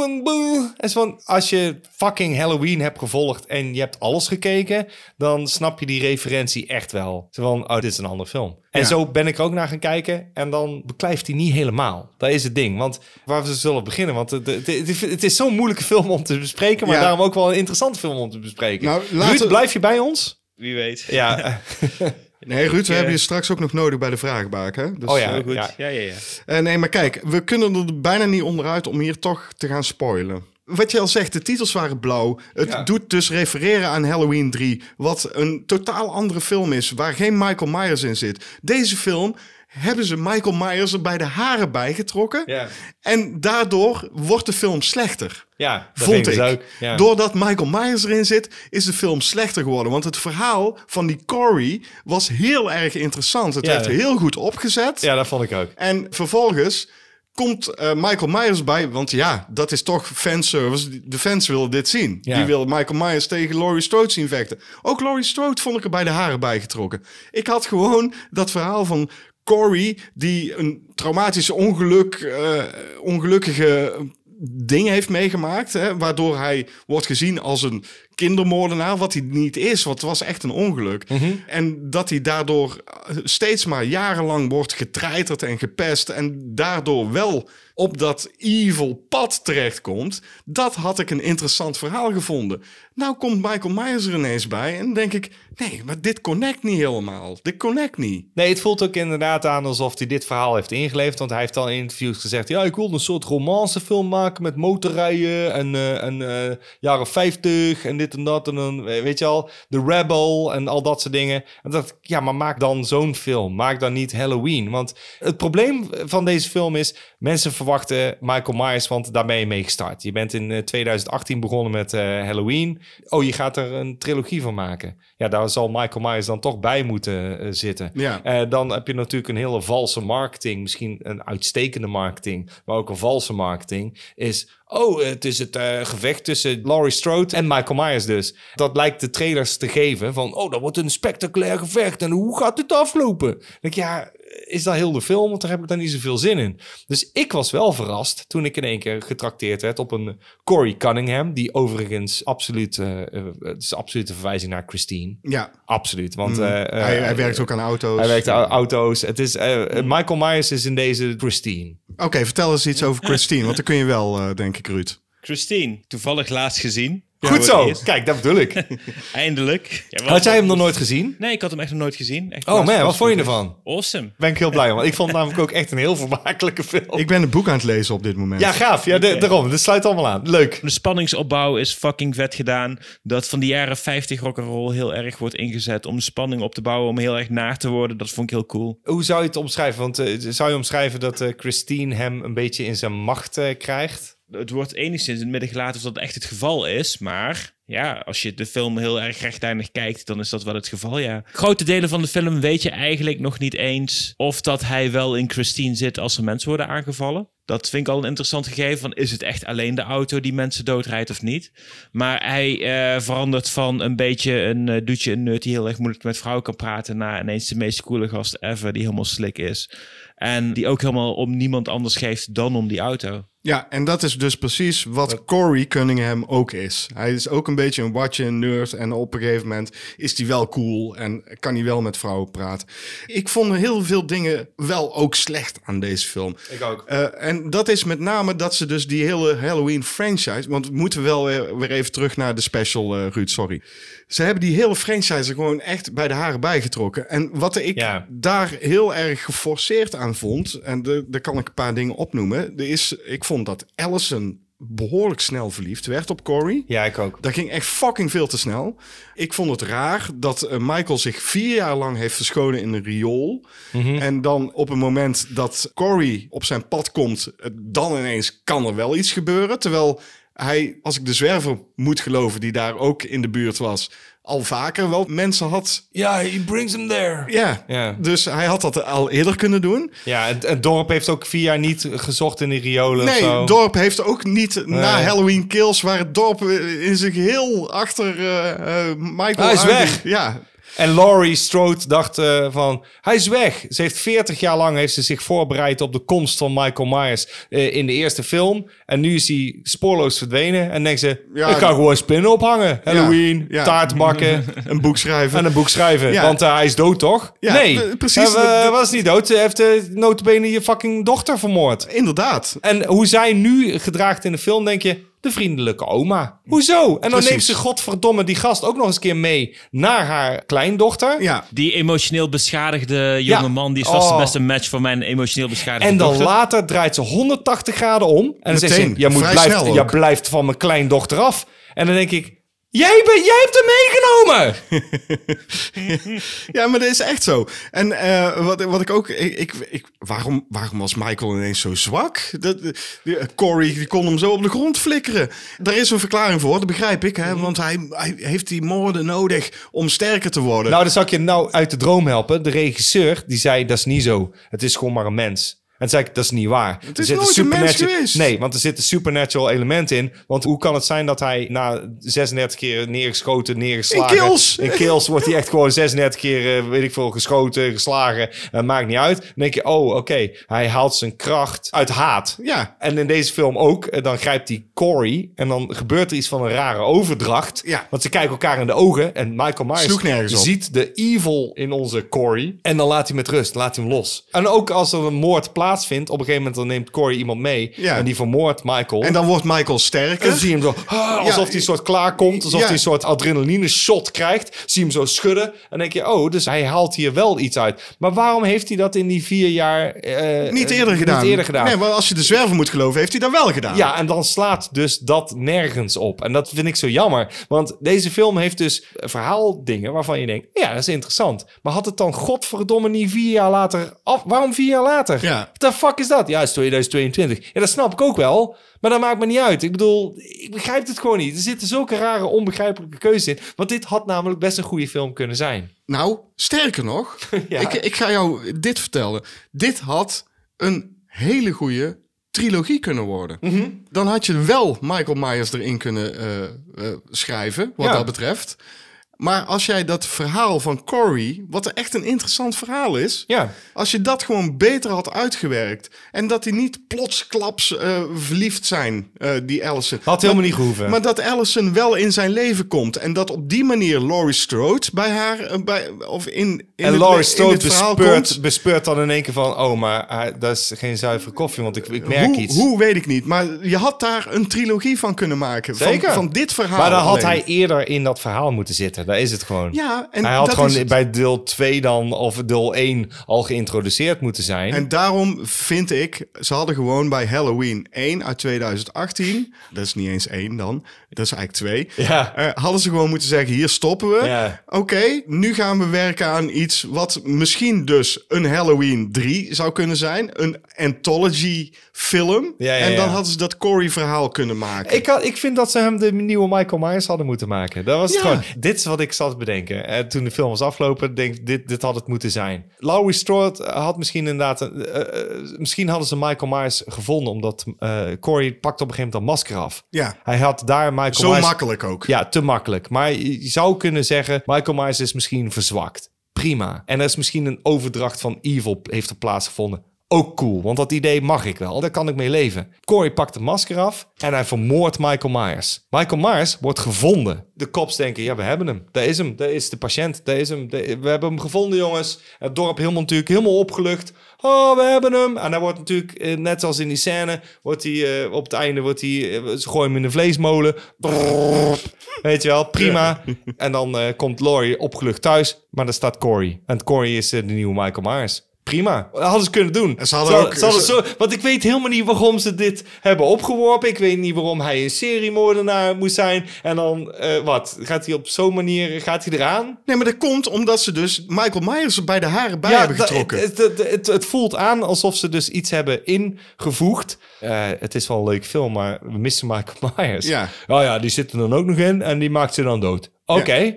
En dan? Ja, dan dit. Raar. ja, heel vreemd. Ja. Hij had er gewoon niet in gemoeten. Nee. Ja, En- nou, ja, wat ik zeg. Wel, ze vinden hem. Hij is dood. Ja, dat had gekund. Nou, de Ja. film had kunnen beginnen. Oh, we hebben hem gevonden. Hij is dood. Ik weet niet wie hem heeft gedood. Iemand heeft hem gedood. En dan enter Corey. En dan gaat heel de film over hem. Prima. Ja. En dan kom je erachter. Oh, hij is de gast die Michael Myers echt heeft gedood. Whatever, inderdaad. Dat zou veel beter zijn. Het verhaal van Corey is sterk genoeg om een standalone film te zijn. Ja, vind ik ook. Nu zit je namelijk vast aan een franchise die dus niet kan beklijven. En daardoor stel je een hele hoop fans teleur. En dan denk ik, ja, maar zo zonde. Want nogmaals, de, de moeite die er in deze film is gestoken is echt wel te zien. Eh, De belichting is goed, het is goed gefilmd. Eh, de acteurs doen ook echt wel hun best. Maar het mankt gewoon op het verhaal. En je merkt Ja. gewoon dat hier dus gewoon too many cooks. Want er zijn meerdere schrijvers die hier hebben opgezeten. En denk ik, oké, dus meerdere schrijvers konden dit ook al niet redden. Ik denk dat als ze hier gewoon echt een Halloween 3 van hadden gemaakt, zo'n zo'n soort film waar gewoon geen Michael Myers of Ja. whatever, dan Ja. hadden ze enorm verrast. Hadden ze net zoveel haat gekregen als dat ze nu krijgen. Of Halloween, The Season of the Witch toen kreeg. Ja, En dan had hij waarschijnlijk later een cult classic geweest. en dan had, dan had toch eh,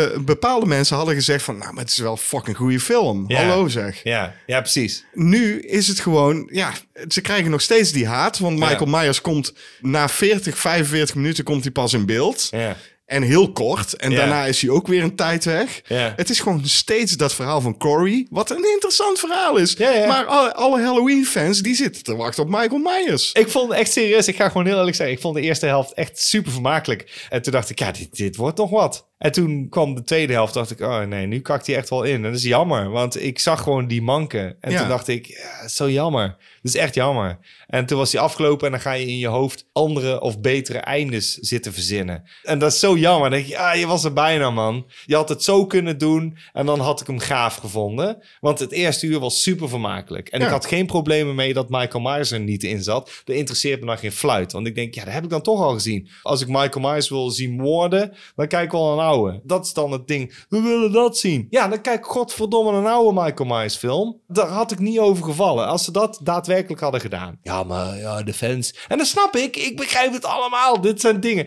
Ik begrijp dit. Maar had dan gewoon geen trilogie gemaakt. Had het gewoon gelaten bij 2018. Die Halloween. Oh, hij verbrand. Ja. En misschien is hij weg. Dat weet hij niet. Nee, precies. En dan neemt iemand anders wel weer een keer het stokje over. Want dit Ja, is... ja, Allison heeft op een gegeven moment dat mes in de hand. En dan denk je, oh, misschien zij dan? I don't know. Ja, nou, Hebben ze ook niks mee gedaan? Nee, natuurlijk niet. Maar Nee. Hell- het- deze film heet Halloween Ends. Maar we weten gewoon nu al 100% zeker dat hiermee deze franchise nog niet dood is. Nee joh.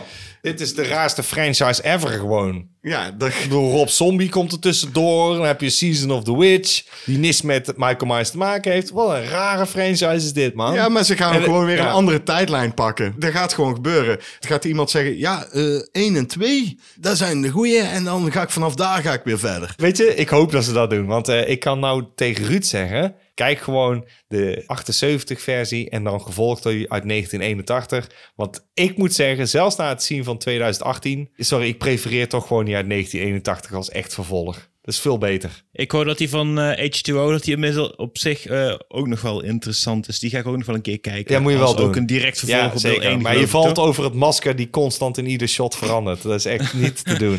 Het is, Michael ja, is een manneke daarin. Ja, ze kunnen niet committen aan één masker, want er zijn natuurlijk meerdere opnames gemaakt. En ze zeggen, ah, dat masker is niet goed, dat moeten we weer aanpassen. Ja, dan heeft hij dus in iedere scène een ander masker op. Het is zo fucking weird. Nee, maar goed, Ruud, I envy you dat je alleen het eerste deel gezien hebt. Ja.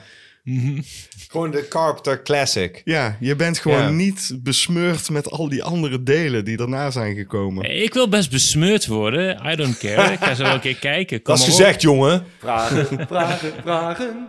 Je kunt het aan ons vragen in de vraagbaak. Nou, deze Nou. vraagbaak... eh, nou, Nou, nou, deze vraagbaak gaat eh, heel eh, interessant worden. Want we hebben Ruud eh, dus erbij zitten. En, en Ruud, luistert heel... eh, nou, dat luistert heel nauw. En Ruud heeft de vragen niet op voorhand gekregen. Dus die moet dit uit zijn blote knuisje allemaal gaan beantwoorden. Eh, het zijn maar vijf vragen, Ruud. Dus het- ik denk dat je het wel eh, kunt.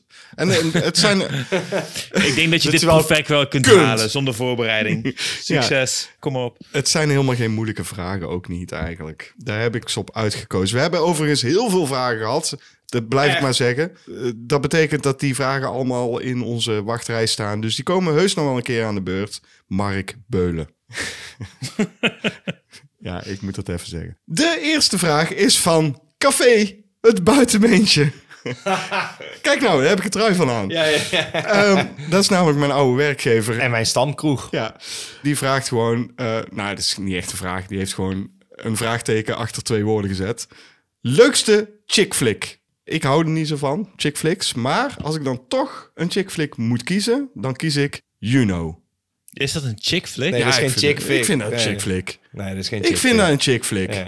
Jawel, man. Oké, Jij niet Ja, dan? ja, twee mensen die nou tegen jou zeggen, nou, dat is geen chick flick. Maar Wat, is dat dan? Ja, coming is of age. of age.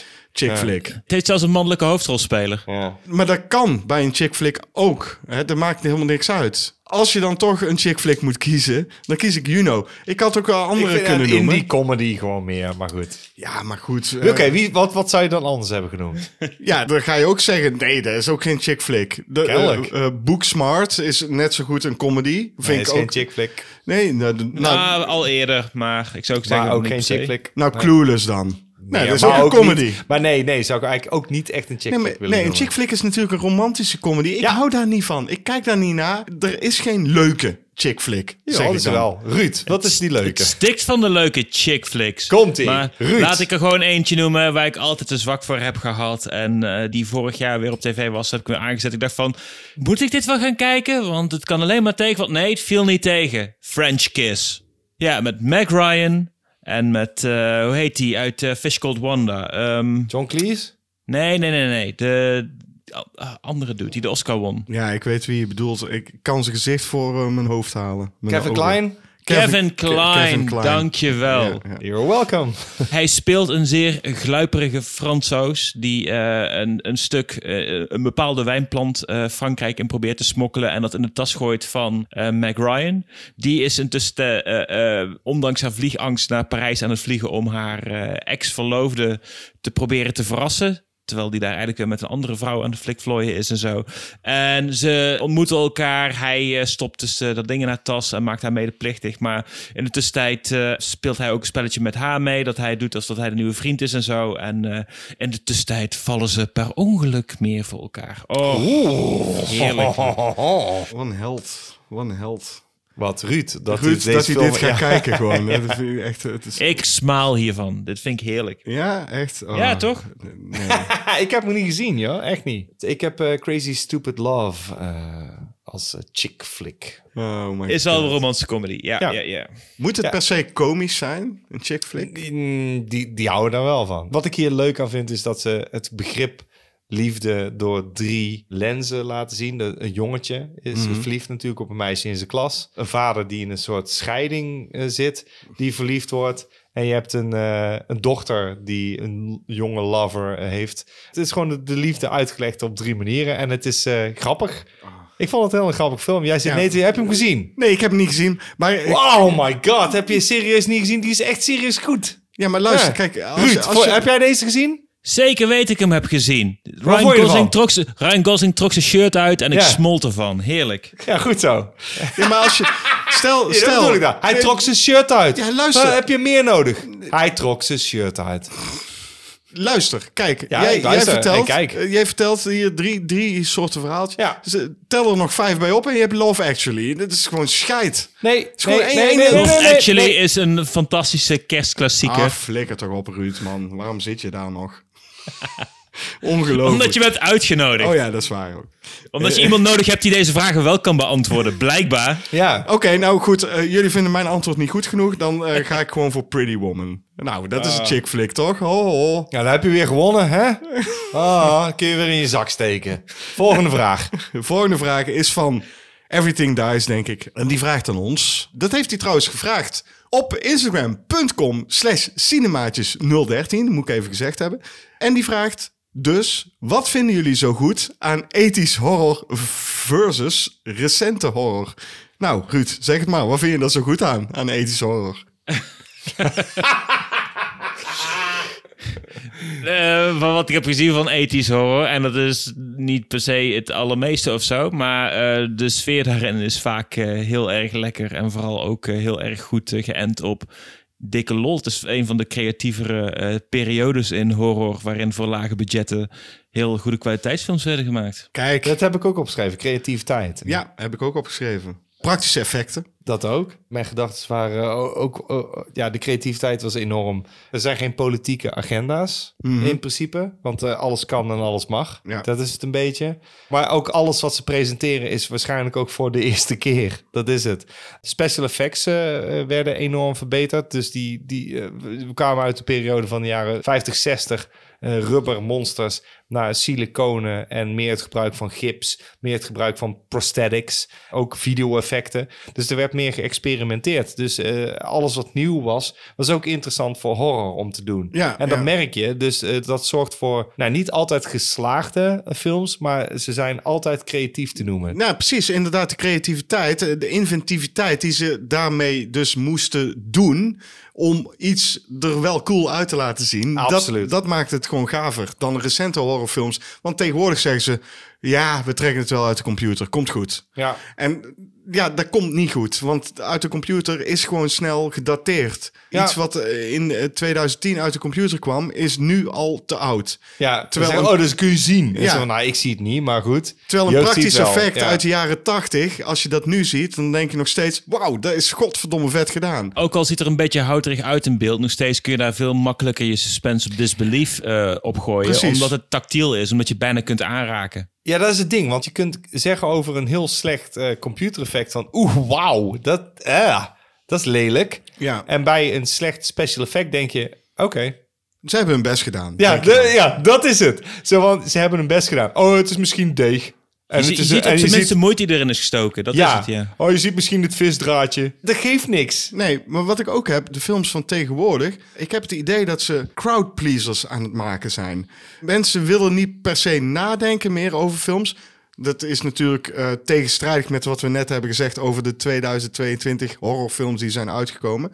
Maar ze maken gewoon lege horrorfilms met heel veel jumpscares. Ja, heb ik Want- ook opgeschreven, want- jumpscares, ja. Want mensen willen gewoon schrikken. En dat is voor hun horror. Alleen schrikken. dan kom je, dat is ook een dingetje wat de huidige horrorfilms natuurlijk willen doen, is als je die karakters opwerpt, die moeten dan zo unlikable mogelijk zijn, want als er iets mee gebeurt, dan is dat niet zo erg. En toen dacht ik bij mezelf, maar ju- juist als je een karakter sympathiek maakt, ga je er veel makkelijker in mee en dan denk je, ik hoop niet dat deze persoon iets overkomt. Nee, deze films moeten bijna allemaal een soort rollercoaster ride zijn, waarbij de characters kut zijn, zodat ze dood kunnen gaan. En denk ik, ja, maar ik als toeschouwer wil wel meegesleept worden. En als je dan dat vergelijkt met de jaren 80, daar zaten ook wel onsympathieke figuren in. Maar daar waren dan de jocks. Ook de jokes in de jaren 80 werden gewoon goed uitgewerkt. Het was Ja. gewoon een horrorfilm in de jaren 80 was bijna altijd karaktergedreven gewoon. Ja. En tegenwoordig zijn de karakters zijn maar pionnetjes waaromheen ze de jumpscares en de gore Ja. hebben geschreven, zodat ze dat eh, als je maar kan chockeren, dat is genoeg voor het huidige publiek wat naar horrorfilms gaat kijken. Heb jij nog iets te zeggen Ruud erover? Ik zit vooral te denken van misschien kijk ik te weinig slechte horrorfilms van nu. Want ik herken me niet helemaal in eh, dat dat tegenwoordig allemaal zo is in horrorfilms. Ik heb het wel heel erg bijvoorbeeld bij found footage films. Daarin zit Ja. vaak zo'n eh, neiging van het moet echter zijn. En dus maken we van iedereen een klootzak. Want iedereen zou in deze omstandigheden een klootzak worden. Nee, nee. En dan zijn er uitzonderingen. Dat vind ik dan wel heel prettig. Zoiets als Rek, daar proef ik dat veel minder in. Dat vind ik ook een veel fijnere film om naar te kijken. Eh, wat me opvalt is, eh, met de uitzondering van de films die dit jaar zijn uitgekomen, maar in de afgelopen jaren werden we getrakteerd op horrorfilms waar een hoop tieners in zitten. En die zijn allemaal verwerpelijk, of in ieder geval inwisselbaar dan wel. Het maakt me niet uit of die eraan gaan. En dan zelfs degene die ze opwerpen als hoofdrolspeler heeft een mankement waarvan je denkt, ja, eh, nee, daar kan ik niet overheen, man. Je hebt gewoon iets gedaan wat gewoon verwerpelijk is. Nou, zolang terwijl- het iets is wat, wat- waar je jezelf een beetje aan kan spiegelen en je jezelf kunt bevragen van wat zou ik doen in deze situatie. Maar meestal hebben de personages dan niet die diepgang, denk ik. Nee, en dan denk ik dat een jaren 80 film het gewoon makkelijker speelt. Het is allemaal niet zo melodramatisch. Dit zijn je characters. Dus er één of twee zijn gewoon superleuk. Ja. En de rest eh, eh, don't care. Maar dat maakt niet uit. We moeten door naar Ja, de volgende vraag. Dat is een goede, vraag trouwens. De Hè? volgende vraag gaat ook een beetje over horrorfilms. Eh, dat is helemaal jouw ding, eh, Ruud. Dus ik ben blij dat je erbij bent. Oh, die kan hier absoluut op aanhaken hoor. Ik weet zeker. Ja, ik, weet, ik denk dat Ruud hier wel iets over kan vertellen. Ja. De vraag is gesteld door een maatje van ons, Marco Holtkamp. En die stelde hem zelfs op onze Patreon-pagina patreon.com slash cinemaatjes. Dus als jij wat extra's wilt zien of gewoon ons wilt steunen omdat wij zulke gave dingen maken, dan kan je naar patreon.com slash cinemaatjes. En dan word je ook voorgetrokken als je een goede vraag stelt. Hij zegt, goede avond heren. Hij heeft dus eh, goed ingeschat dat wij dit in de avond opnemen. En dat we ons als heren aangesproken willen worden. Precies. Na het zien van het uitstekende Moloch, zegt hij, bedacht ik me dat ik me behalve Dick Maas eigenlijk geen nederhorror kan bedenken. Uitgezonderd woensdag natuurlijk, zegt hij.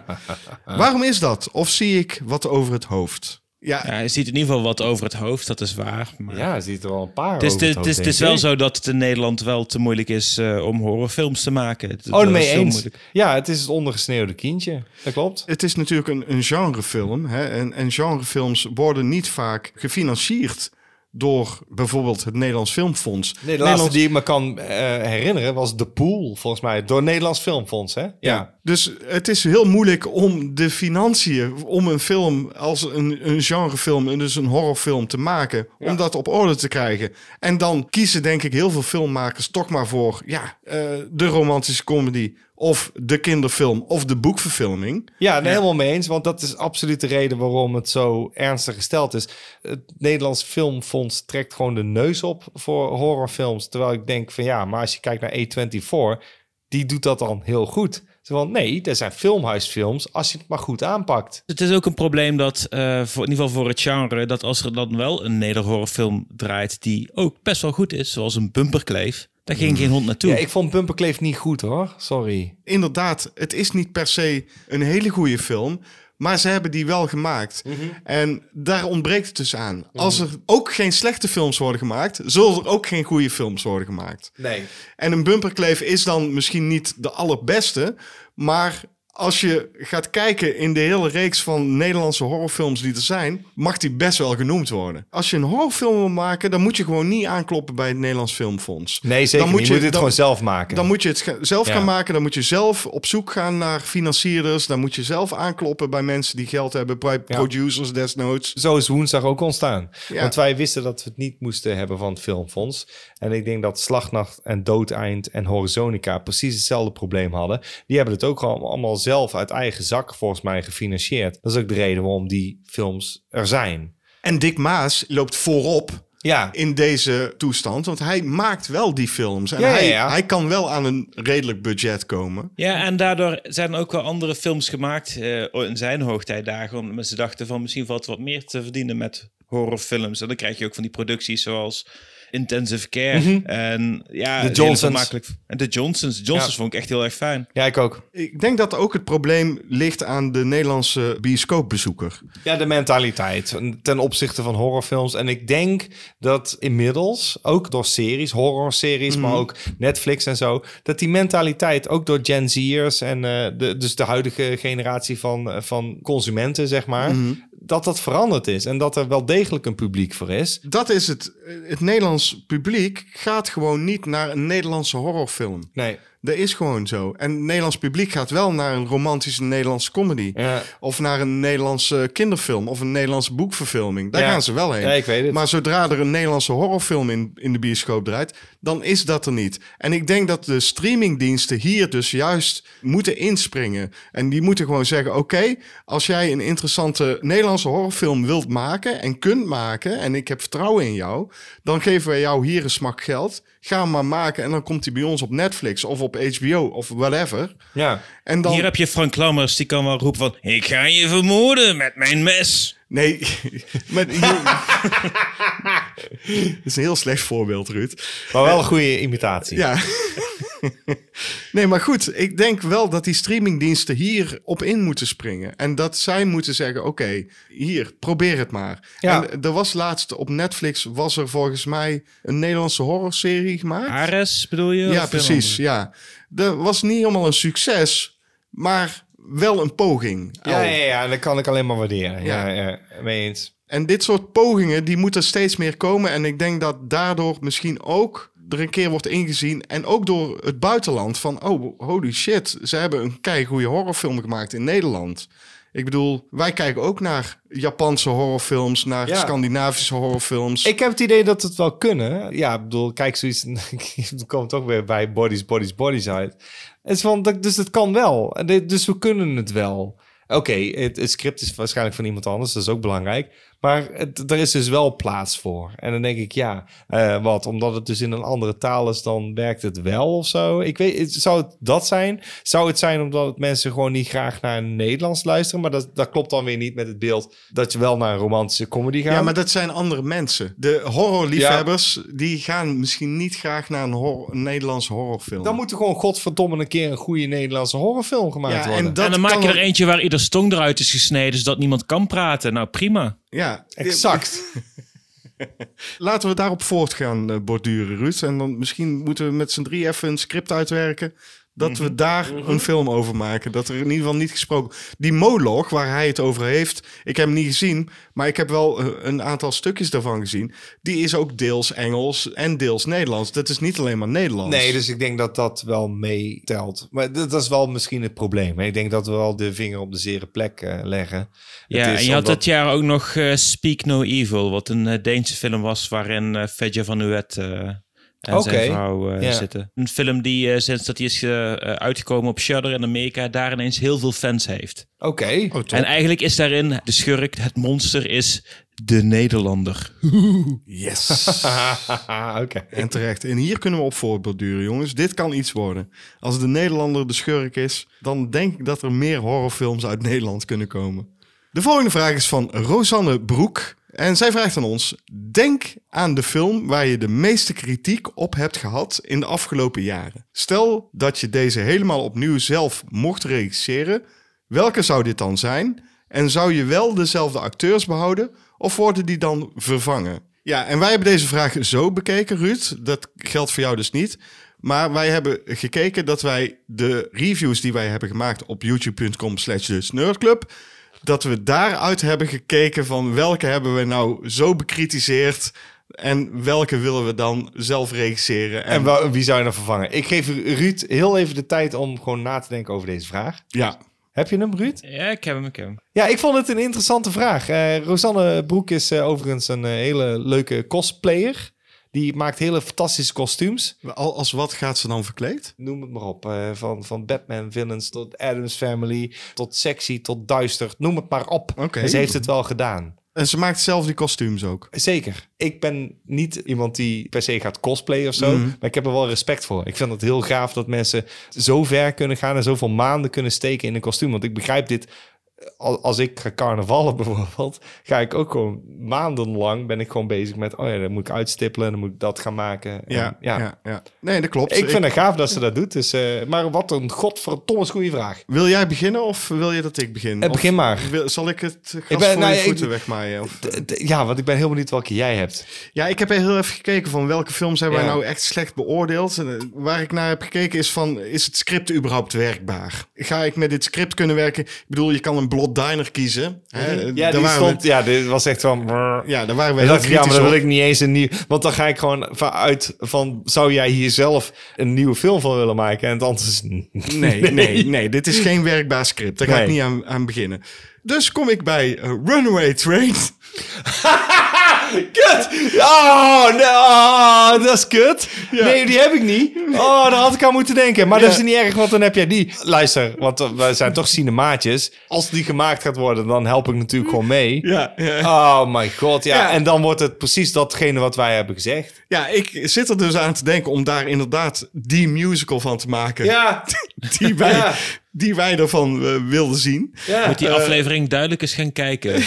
ja dat moet je doen, man. Het, serieus, oh, Runaway Train is... Ik heb ook eigenlijk wel zin om Runaway Train gewoon weer opnieuw te kijken. Ja, dat moet je doen. En dan kijk ook onze, kijk ook onze recensie daarvan. Een van mijn favorieten overigens. Natuurlijk, als we die musical maken, wat het, beste idee is wat we hadden. dus, dus moet ik dat gaan doen. Dan moet ik andere mensen gaan casten. Ik ga ervan uit dat John Voight en eh, Eric Roberts niet kunnen zingen. Dus eh, dan ga ik andere mensen casten. Ja. Maar goed, als ik er toch geen musical van ga maken, wat ook eh, kan, dan maak ik er gewoon een serieuze film van, wat het ook poogt te zijn.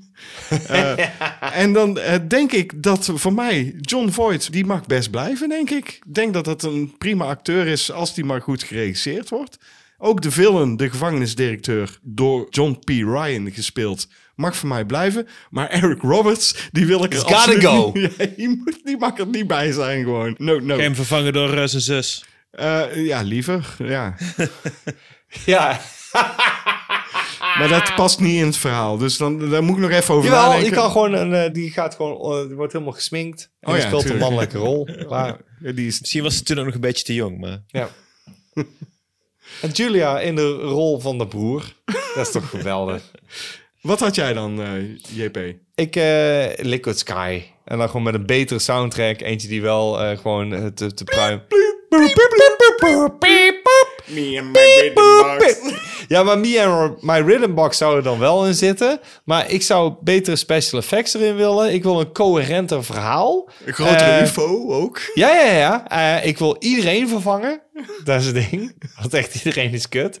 Ik wil dat de cast matcht bij het geschetste plotje. En dat betekent dus dat er een genderneutraal persoon in beide hoofdrollen moet zitten. Je hebt namelijk een hoofdrol, die wordt door één iemand gespeeld. Eh, twee hoofdrollen, Ja, bedoel een ik. dubbelrol. Een dubbelrol.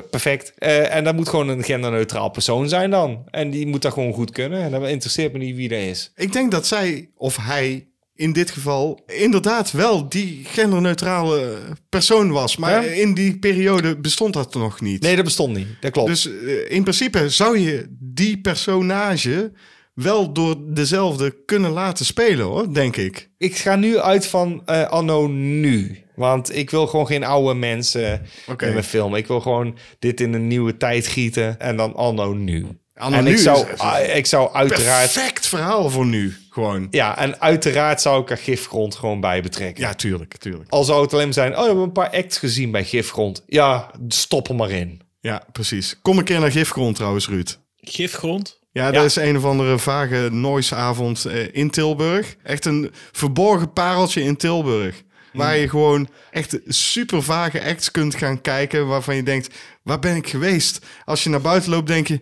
zit Oh ik in God. Berlijn of Ja, zit ik in Van, Tilburg? van, die, Ja. van, die, van die vuige bands die hun, hun eh, gitaren insmeren met zware check om er extra zware... Eh, het Nee, zijn het vaak gewoon geen bands. nee, het zijn gewoon noise acts. eh, het het kan zijn een vrouw die op een synthesizer loopt te slaan. En dan Oké. eh, kreten in een microfoon loopt te roepen. of eh, geheel dansbaar, dat iedereen gewoon denkt... Ah, ik moet even voetjes van de vloer, man. Ja, het is echt een superleuke avond. Echt. En Baan fucking zinnen. echt, we nodigen je een keer uit. Ga een keer mee. Ja, Wie weet. Eh, zei die aarzelend. Ik ben, ik ben niet zo'n uitganger. Oké, eh, ooit hopelijk. Nee, dit, dit, dat is geen, dit is geen straf, eh, Ruud. Dit vind jij leuk. Oké. over geen straf gesproken. Welke eh, film heb jij zodanig afgekraakt dat je daar wel eens eh, opnieuw aan wil beginnen om te regisseren? Ja, weet je, laat ik maar gewoon mijn, mijn, mijn eh, vaste eh, sh- shit-on stokpaardje er maar ingooien. Eh Zack Snyder's Justice League. Allereerst eh, eh, doe ik wat Warner Brothers al een keer heeft gedaan, namelijk Zack Snyder eraf halen. Althans, niet van de re- regiestoel. Ik zou hem echt best wel een plek gunnen als in de buurt van bijvoorbeeld cinematograaf of in ieder geval art director. Iets in die richting. Ja. Dat soort dingen, ja, tuurlijk. Dat kan niet. Dat is het talent. Wat hij zeker beter niet kan doen is regisseren. Zeker niet moet doen, wil ik niet zeggen. Maar mijn smaak beter niet kan doen. Maar wat hij zeker niet moet doen is de film schrijven. Ja. Dat wil ik zelf wel eh, aanpakken dan. Maar er wordt dan geen film van vier uur, als ik goed begrijp. Nee, sowieso niet. Ik denk ook niet dat ik eh 75% van de eh, film uit de computer zou laten rollen. Ik zou wel even kijken wat je zoveel mogelijk practical kan aanpakken. Zelfs al probeer je een verhaal te, te vertellen op kosmische schaal. Maar ik weet Ja, niet. Het hoeft er voor mij eens. niet uit te zien als een videogame de hele tijd. Dat- Nee, dat- mee eens, want dat is dan meteen het nadeel van, van dat soort films. Iedereen zegt, ja, maar hoe moet je dat dan doen? Ja, anders. Ik, eh, hoe ze het vroeger deden, met 1600 figuranten. Er zijn Maar- ook genoeg eh, eh, films die eh, wel uit de computer zijn komen rollen en eh, die, die er goed uitzien hoor. Ja. Daar, daar, daar- niks daarop tegen. Maar als ik een film zoals dat wil zien, dan wil ik in ieder geval niet wat het dit nu is geworden. Dat, Maar dat jij, jij wil dus heel graag een, een superheldenfilm regisseren, als ik goed begrijp. Prima, whatever. Ja, ik, ik, ik ben dol op superheldenfilms nog steeds hoor, dus eh, graag. Ga je dan ook eh, acteurs vervangen? Zo'n Henry Cavill bijvoorbeeld, dat vind ik geen goede Superman. Ik vind hem een prima Superman. Alleen eh, het script vraagt hem steeds om eh, heel veel moeite te hebben wat hij allemaal moet doen en zo. Ik denk dat hij ook best wel een, een de Boy Scout Superman zou kunnen spelen. Mhm. En dan, dan maak ik hem iets minder sterk. Dat hij wel eh, bedreigd wordt door de krachten die hem aanvallen. En Ben Dat hij niet- Affleck als Batman? Ga ja, man. voor? Ja, niet als die Batman. Hij heeft echt de slechtst geschreven Batman ever. Maar Mhm. Laat hem vooral Batman spelen. Dat doet hij goed. Goed, nou, ik ben heel benieuwd. Ja, moet, moet je nagaan dat ik deze vraag aan jou moet stellen, Ruud. Want Ik, ik, ik, heb- zou, ik zou zelfs Jesse Eisenberg als Lex Luthor nog best een nieuwe kans willen geven. Dan had je moeten zeggen van, speel het op een andere manier, man. Want ja, je had hier een memorabele rol van kunnen maken. Ik denk dat zelfs zijn Jesse Eisenberg-ismus nog van pas kunnen komen of zo op een bepaalde manier. Ja, zo'n aarzelende... Hij eh, is nu eh, onstabiel en dat ja. is Lex Luthor niet. Nee, hij zou onzeker moeten zijn. En dan achter Misschien. schermen zou hij in één keer zo van... Haha, ik heb hier een tuk. Ik ben niet onzeker. Ik ben super... Ja, het zou eh, kunnen. ja, Bijvoorbeeld. Manipulatief. Maar, ja, dat sowieso. De Lex Luthor uit de tekenfilmserie van eh, Justice League. Dat is nog steeds mijn favoriete versie. Die is qua uiterlijk is hij eh, gebaseerd op Telly Savalas. En die wordt ingesproken door... eh, what's his face? De slechterik uit Highlander. Oh, die heeft echt een heel lelijk pokdalig gezicht, niet? ja. Ja, precies. die, die, die, ja, die ja. knakker. Nou, Ja. die, die, die doet die stem ook heel erg vet. Heel erg beheerst en zo. Als Jesse Eisenberg op zijn eigen manier daar een beetje leuke invulling aan kan geven, zou ik dat heel erg fijn vinden. Want het, ik was heel erg geïnteresseerd in zijn herinterpretatie daarvan. Had ik prima gevonden. Gal Gadot, prima.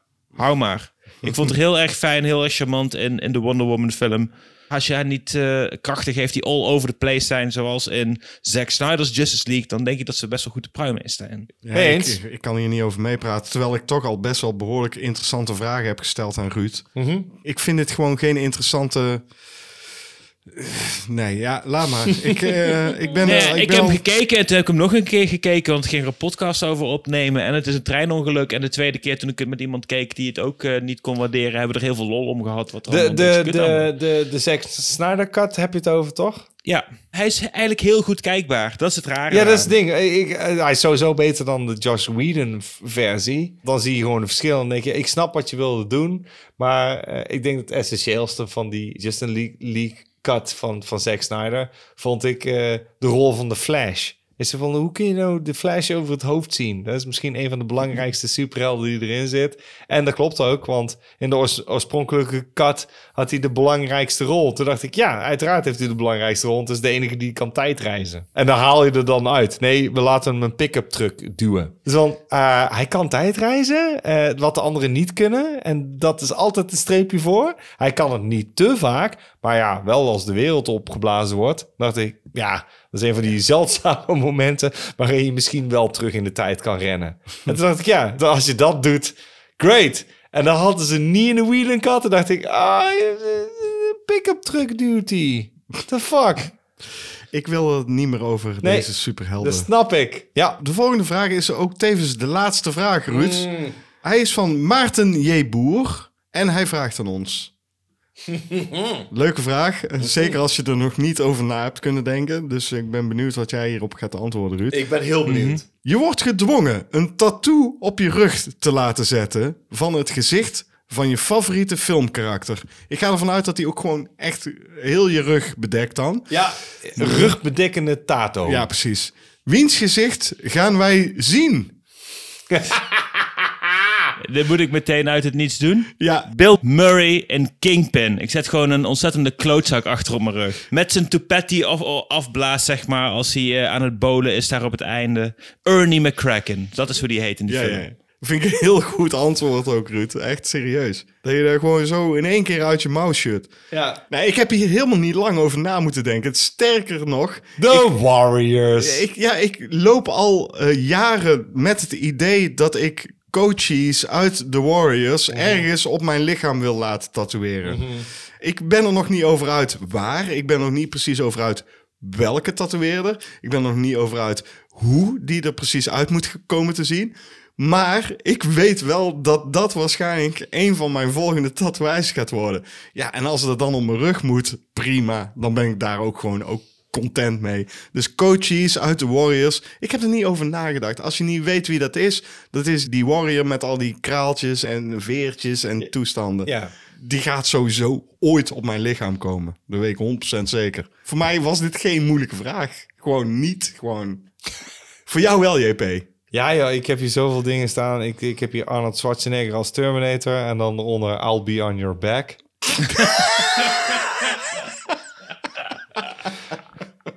maar ja, daar loop ik dan wel heel mijn leven mee rond. Dus eh, nee. Je kunt ook Michael J. Fox met eh, Nou, ik zat... Back, Back to the Future. Ja, ja. ja. Waarom heb je, waarom heb je Michael J. Fox? Oh, back to the future. That's great. Oké, dat is al sowieso beter. Oh, ik weet al wie ik doe. The Big Lebowski. It really ties the, the rug together. Oké, ja, dat, dat is absoluut een winnaar. Ja, ja ik, ik zat... Ik, weet je, het is... Ik, eh, ik wil gewoon misschien wel... Ja, Willem Dafoe als Thomas Wake in The Lighthouse. En dan terwijl die hark roept. En dan gewoon zo'n kop op je rug. Ja. Dat is wel echt een, echt een... Ook voor een tattooist om dat te zetten is wel echt gaaf hoor. Zo, oh, daar heb ik zin in. Ja. Ja, daar zat ik over na te denken. Anders eh Audrey 2 uit Little Shop of Horrors. Het gaat over favoriete personages. Ja, dat klopt. Dat is ook zo. Ja, daar, daar, daar, goed. Dat was het. En wij sluiten altijd af met een, eh, een Frans eh, ge- gedag. Eh, ik weet niet of je daar eh, bij kunt aansluiten, Ruud, maar het zou leuk zijn. Want ik zeg altijd adieu. Bonsoir. A biento. Perfect.